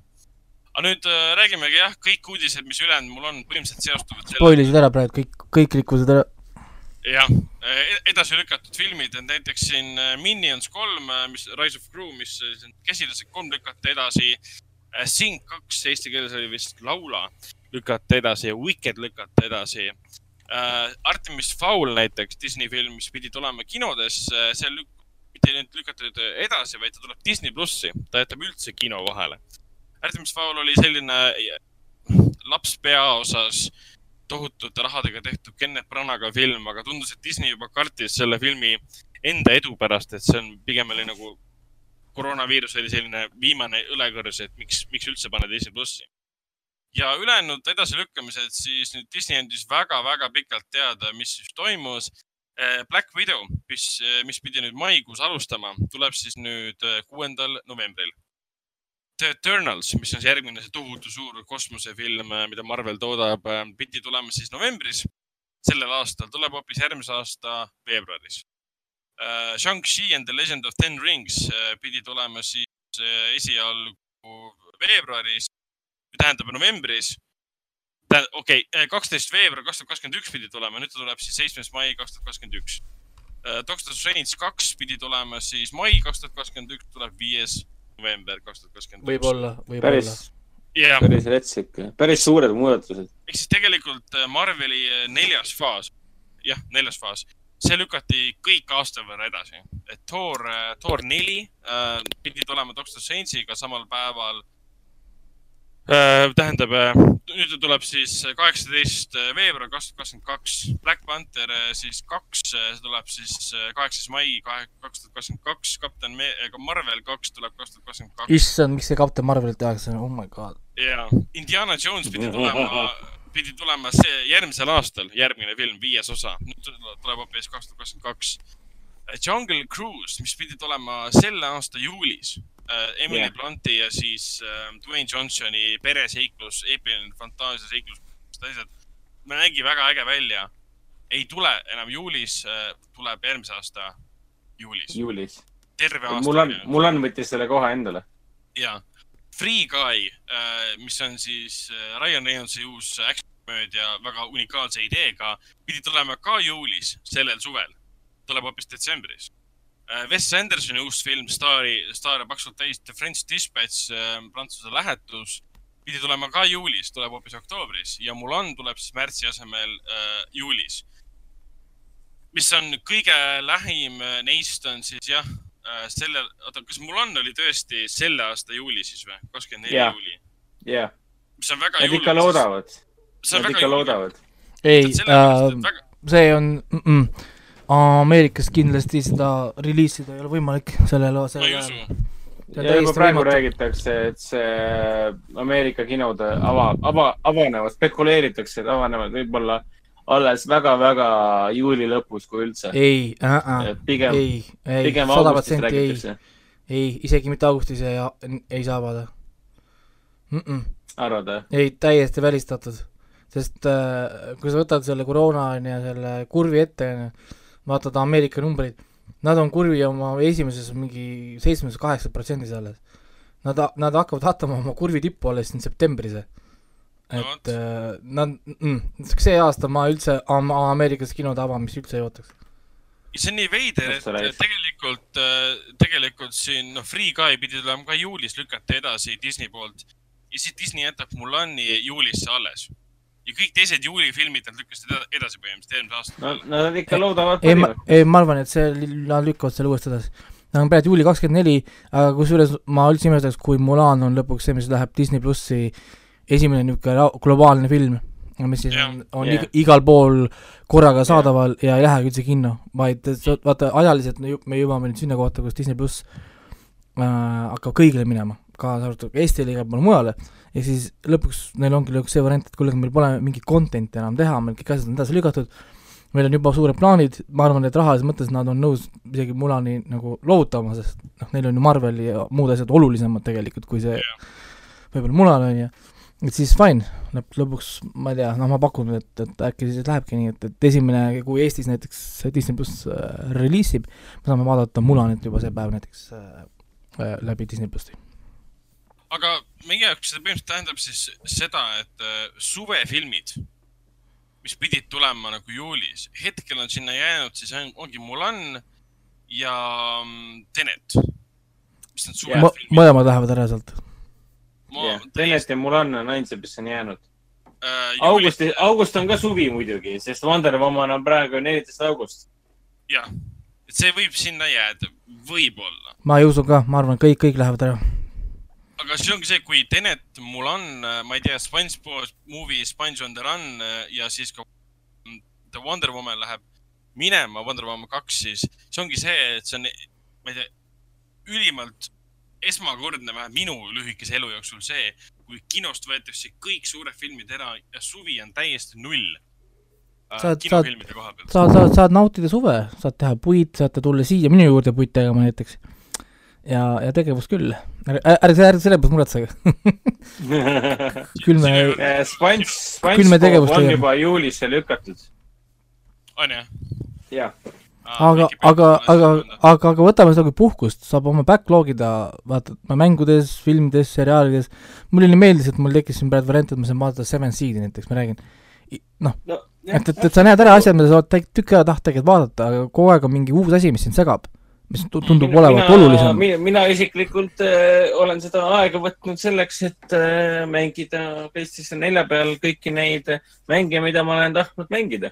ehk siis ma saan rahulikult oma Witcher kolmed ära mängida ja Horizon Zero Dawn'id ära mängida, et noh eh, ma saan, ma saan rahulikult nautida neid asju, mida ma olen kogu aeg tahtnud nautida, aga lihtsalt ei jõua, et noh, noh. kuskilt tuleb see hõbedane, hõbedane lining, lining leida, leida. no kuskilt, kuskilt peab olema jah. vaatad, seriaale, mida sa pole jõudnud vaadata ja nii edasi. no näiteks Aga- ma räägin, et, et ta tasub nagu vaadata jah, Telepiguga, sest meie jaoks on suveks asi küll äh, lahendatud, aga muidugi me reisida ikka ei saa, sest piirid jäävad arvatavasti kinni, kinod küll jääme lahti, aga kuna rahvusvaheliselt filme ikkagist ei, ei reliisita, siis küsimus ongi, mida kinod, kinod näitama hakkavad, onju. aga, aga, aga noh, kinoklassikat. noh, kinoklassikat ja, ja, ja võib-olla rohkem siis Euroopa kino või, ma ei tea, Venemaalt rohkem filme, mujalt rohkem filme, sest no Hollywood täpselt. tõenäoliselt oma filme ei taha reliisida, sest nende ne,, nemad ise jäävad ju välja, Ameerika, USA jääb välja, mis on ju riikidest Hiina järgi tihtipeale isegi edukam kui ütleme Hiina on ju, nii et noh, need osad nagu jäävad nagu ära, ma ei tea noh, aga, aga noh, selle koha pealt, kuna kui pekkis Ameerika on on ju, oma selle koroonaga praegu, siis, siis äh, see aasta ma kinosid üldse lahti ei ootaks seal, kaasa arvatud kõik event'id, mis seal toimuvad, tõenäoliselt jäävad ära, ma pakun, et ka e-sport, kõik asjad, kõik, mis Ameerika pinnal, kõik lihtsalt jäävad ära. jah, aga see ongi huvitav, et äh, leitud uusi lahendusi, enne kui edasi liigume. ka Candyman, mis pidi tulema kaksteist juuni välja, mis on siis klassikalise õudusfilmi uus äh, versioon, piiri poolt produtseeritud, lükati siis kahekümne viienda septembri peale. Aga jah, üks, üks suurem uudis ongi see, et South by South West filmifestival, SXSV siis, mis on üks legendaarne filmifestival, kus saavad alguse väga-väga tuntud filmid, mis lõpetavad Oscaritel nemad otsustasid, et Amazoni vahendusel nemad näitavad festivali tasuta. ainult USA-s siis, ehk siis sa põhimõtteliselt võid teha endale VPN-i ja kui sa omad, omad lihtsalt Amazoni kontot, sul ei pea olema Prime ega mitte midagi, siis sa saad lihtsalt infot saab, leiab siis South by Southwesti kodukalt ja saad vaadata kogu festivali kõiki filme, mis on sinna vastu võetud äh, internetist äh,. probleem on see, see nüüd, see nüüd ei vasta muidugi päris tõele, mis sa praegu räägid. probleem on muidugi see, et äh, paljud äh, reisijad on juba praegu rääkinud, et nemad võtavad oma filmid välja. mis tähendab seda, et see on jah, arusaadav. see, see jah, et põhimõtteliselt praegu veel vaadata ei saa, kuupäeva pole veel avalikustatud äh, SXSV poolt. Aga noh, valikusse, valikusse läbi Amazoni tulevad ainult need filmid äh, nende filmi tegijatelt, nende filmi tootjatelt, kes on nõus. et mis lõpuks sinna filtrisse, filtrisse jääb, seda me, noh, sõelale, filtrisse on parem öelda tänapäeval. see, mis filtrisse lõpuks jääb, on, on, selgub siis tõenäoliselt juba aprilli, aprillikuu jooksul, et mida me tegelikult sealt näha saame. Mhm. et noh, mõni film on seal liiga suur, et noh, sellepärast, et kõik filmid, mis äh, sinna lähevad, on hiljem ka internetis leitavad, sest if it's once on the internet, it's always on the jah, internet. täpselt, eks nad seda, seda tõenäoliselt kardavadki. aga no eks teine asi on ka see, et kindlasti mõni indie, indie, indie äh, äh, produtsent ja režissöör praegu mõtleb, et aga millal need kinod siis lahti tehakse, et noh. Aga tõenäoliselt on ikkagi parem see, et müügu, müügu Amazonile maha ja hakaku näitama oma Prime'is ja probleem lahendatud. ega, ega, ega see on, ei, see on praegult minu arust on see minu soovitus enamus no, kõikidele filmitegijatele, aga pärast, kui sa Disney või noh, mingi Uber sul, kes saab lihtsalt hoida koos vi- viis aastat, kui vaja on, onju. aga, aga kõigil teistel olekski soovitus, sest tõesti noh, võta ja müü maha Netflixile või Prime'ile või kellelegi. Mhm. et, et, et sa saad oma viis miljonit, aga sa saad viis miljonit, et noh, saad aru, noh, sa saad midagi näiteks, noh, selles mõttes. vot ja siis viimase uudisena mainin ära, et jälle vajab, vajab muidugi VPN-i, aga see on tasuta, et põhimõtteliselt HBO, mis on HBO Go siis või mis iganes need kodulehe nimed on, vaatan, vaatan üle, HBO pakub siis üle äh, siukseid seriaale tasuta milleks on näiteks The Wire, kõik hooajad on tasuta. seal olid. mis on Telias, Telias täitsa olemas minu teada. jah, aga aga Telia Telia pole sa ei ole- tasuta.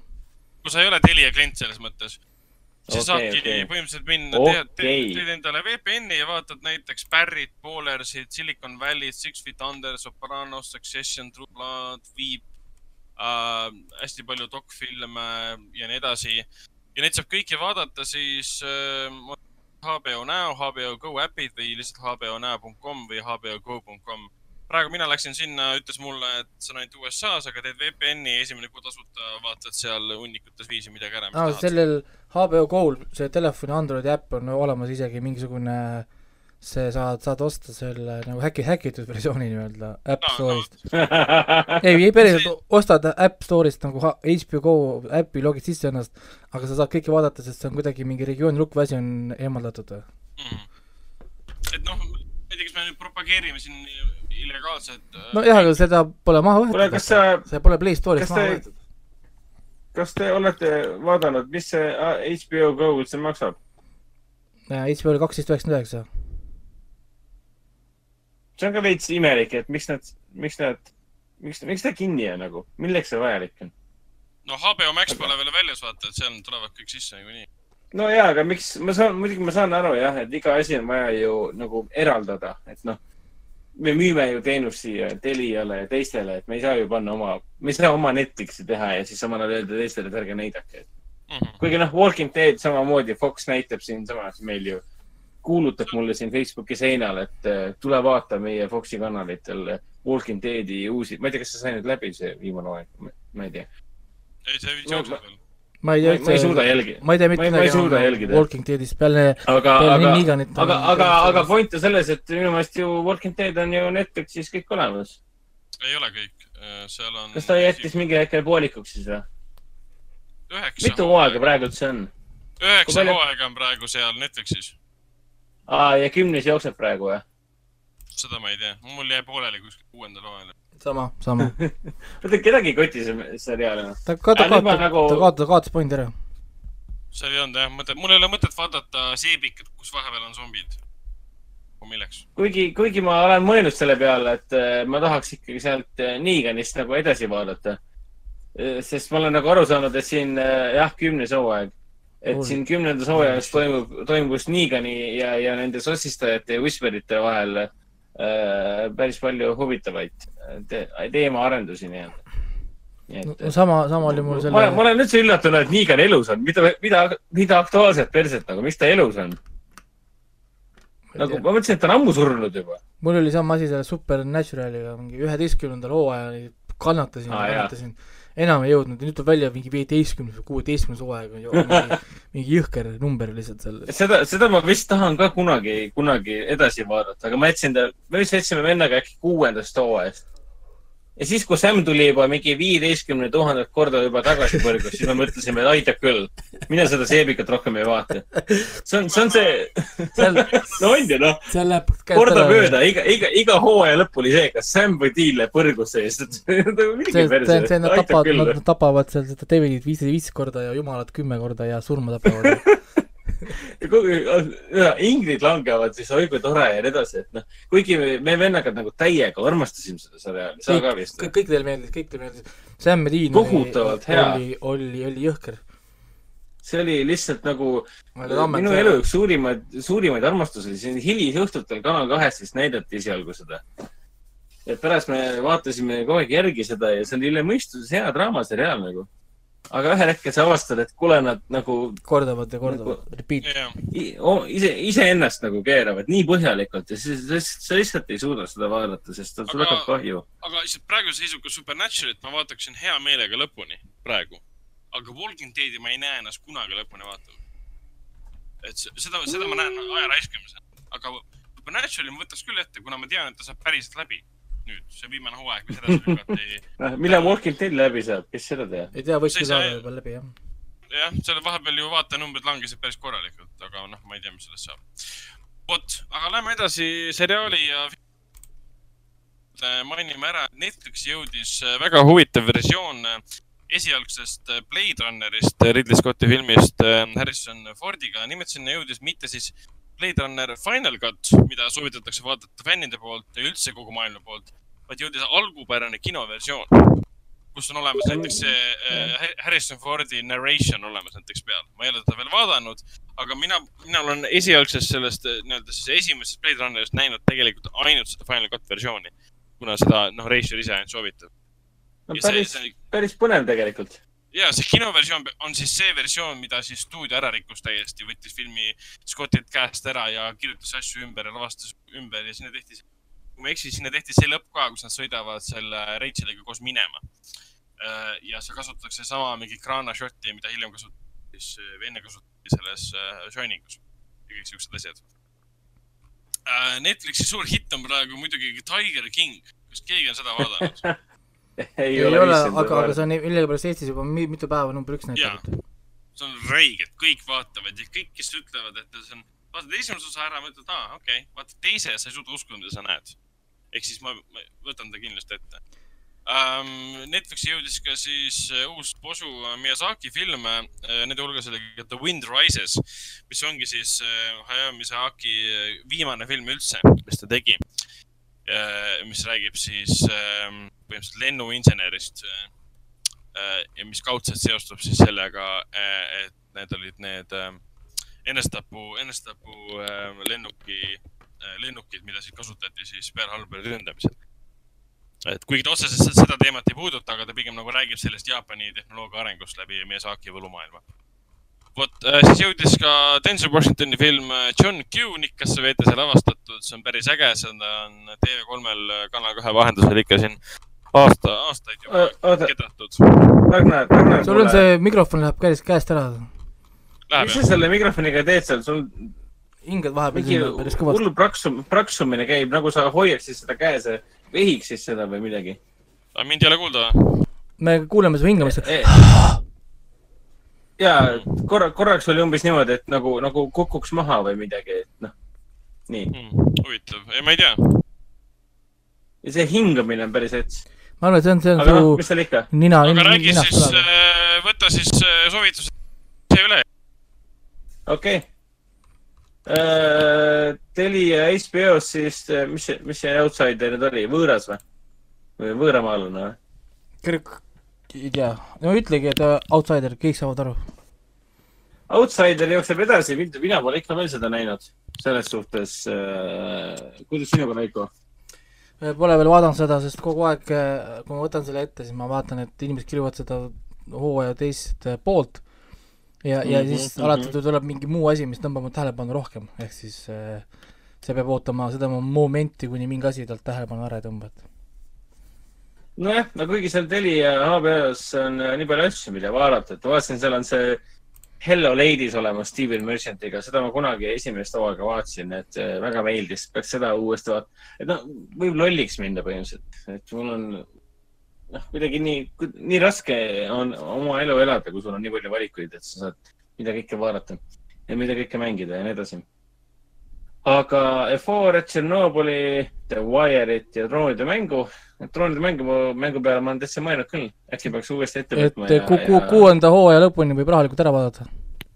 jah, et nagu äh,, et ma, et ma ki- kirjutan ja lavastan omaenda versiooni sellest kuuenda, selle, selle, sellest kõige viimasest hooajast. et noh, jah.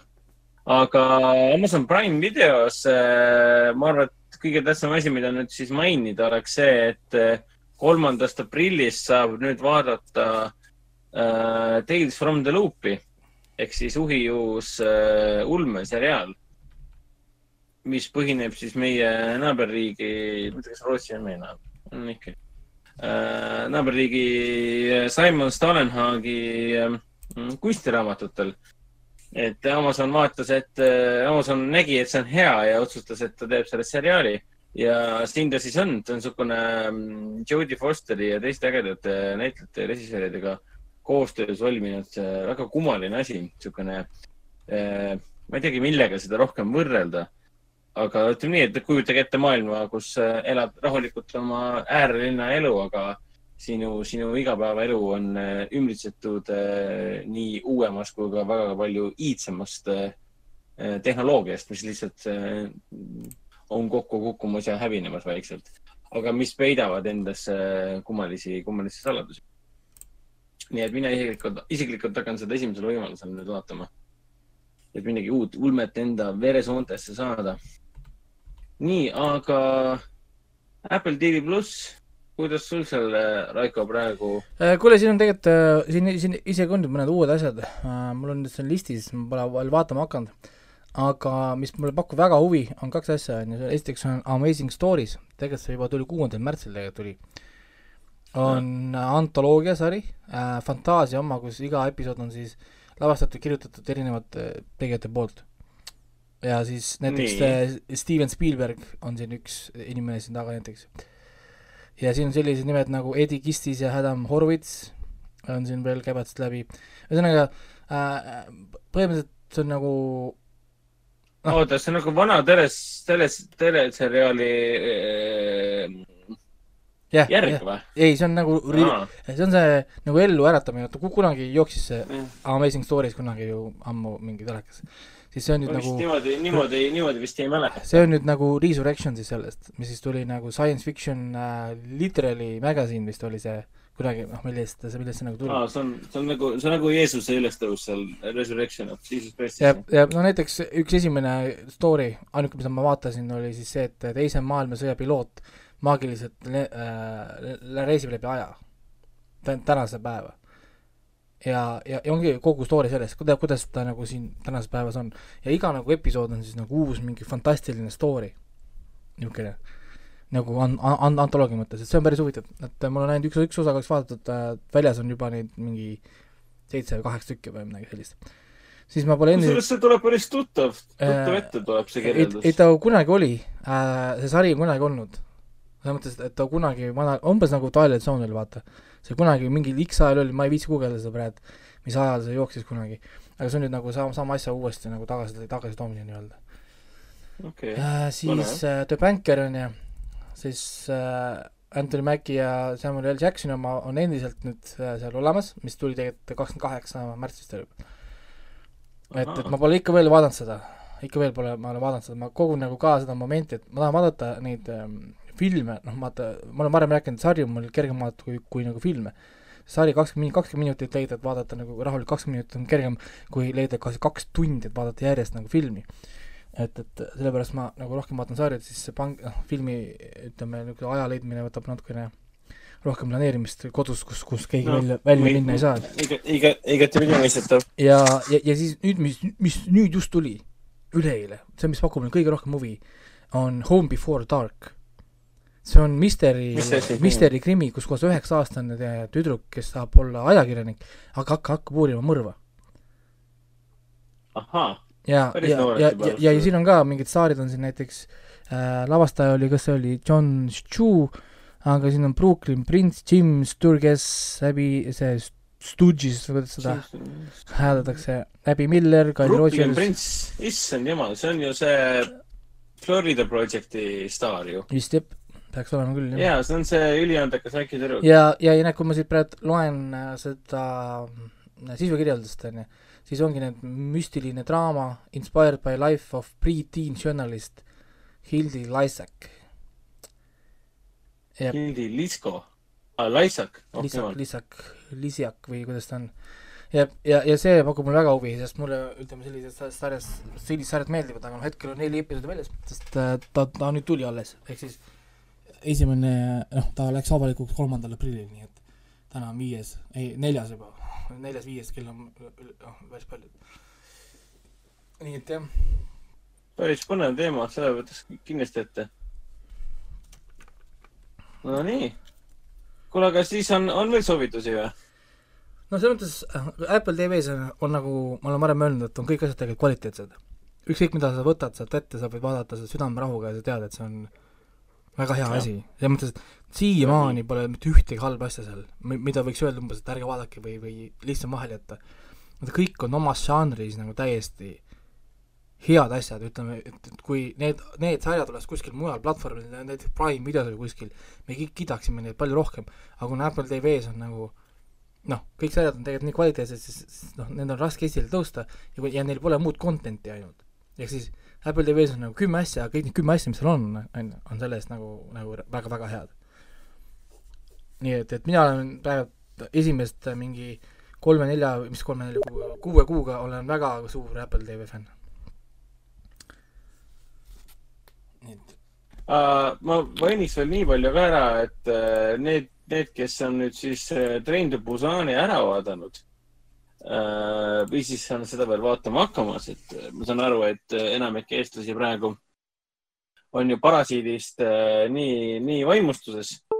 et tulemus on see, et kõik need vaatavad innukalt uh, Lõuna-Korea filme ja avastavad, et et ei olegi mõtet ühtegi, ühtegi Hollywoodi filmi või ingliskeelse filmi enam elu sees vaadata.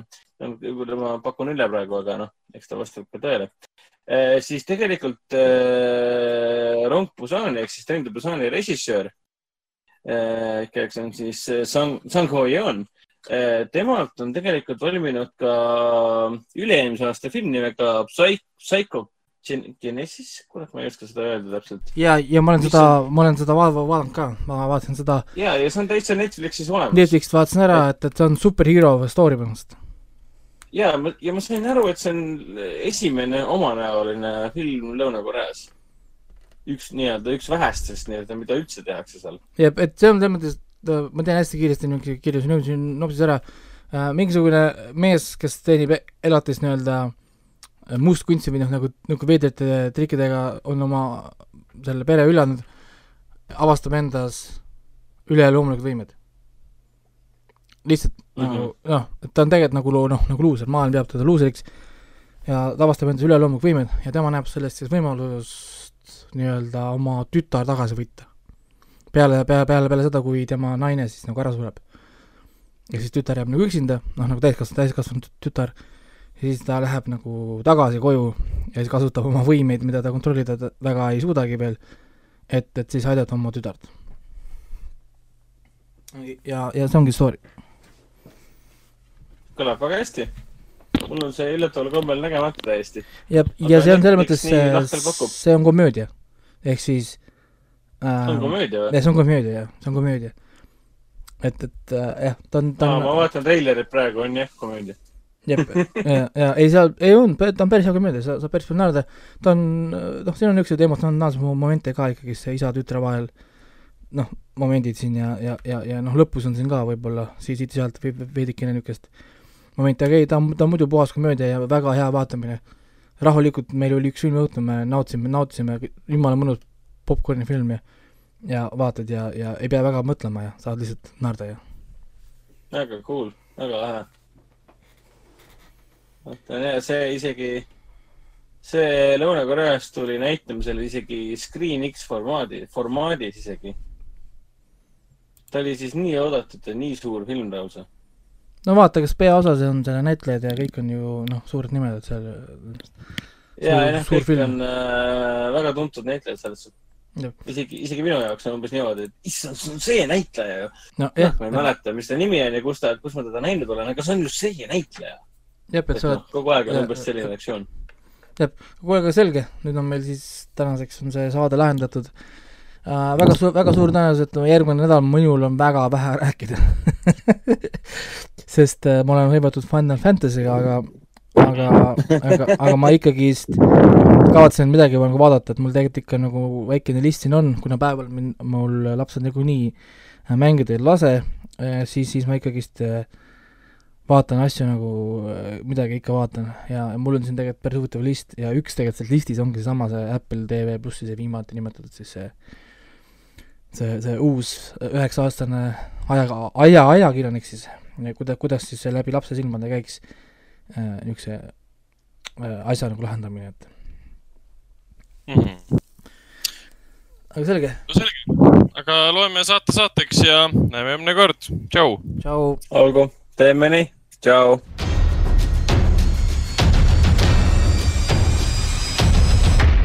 kinoveebi Jututuba podcasti toob teieni Foorum Cinemas.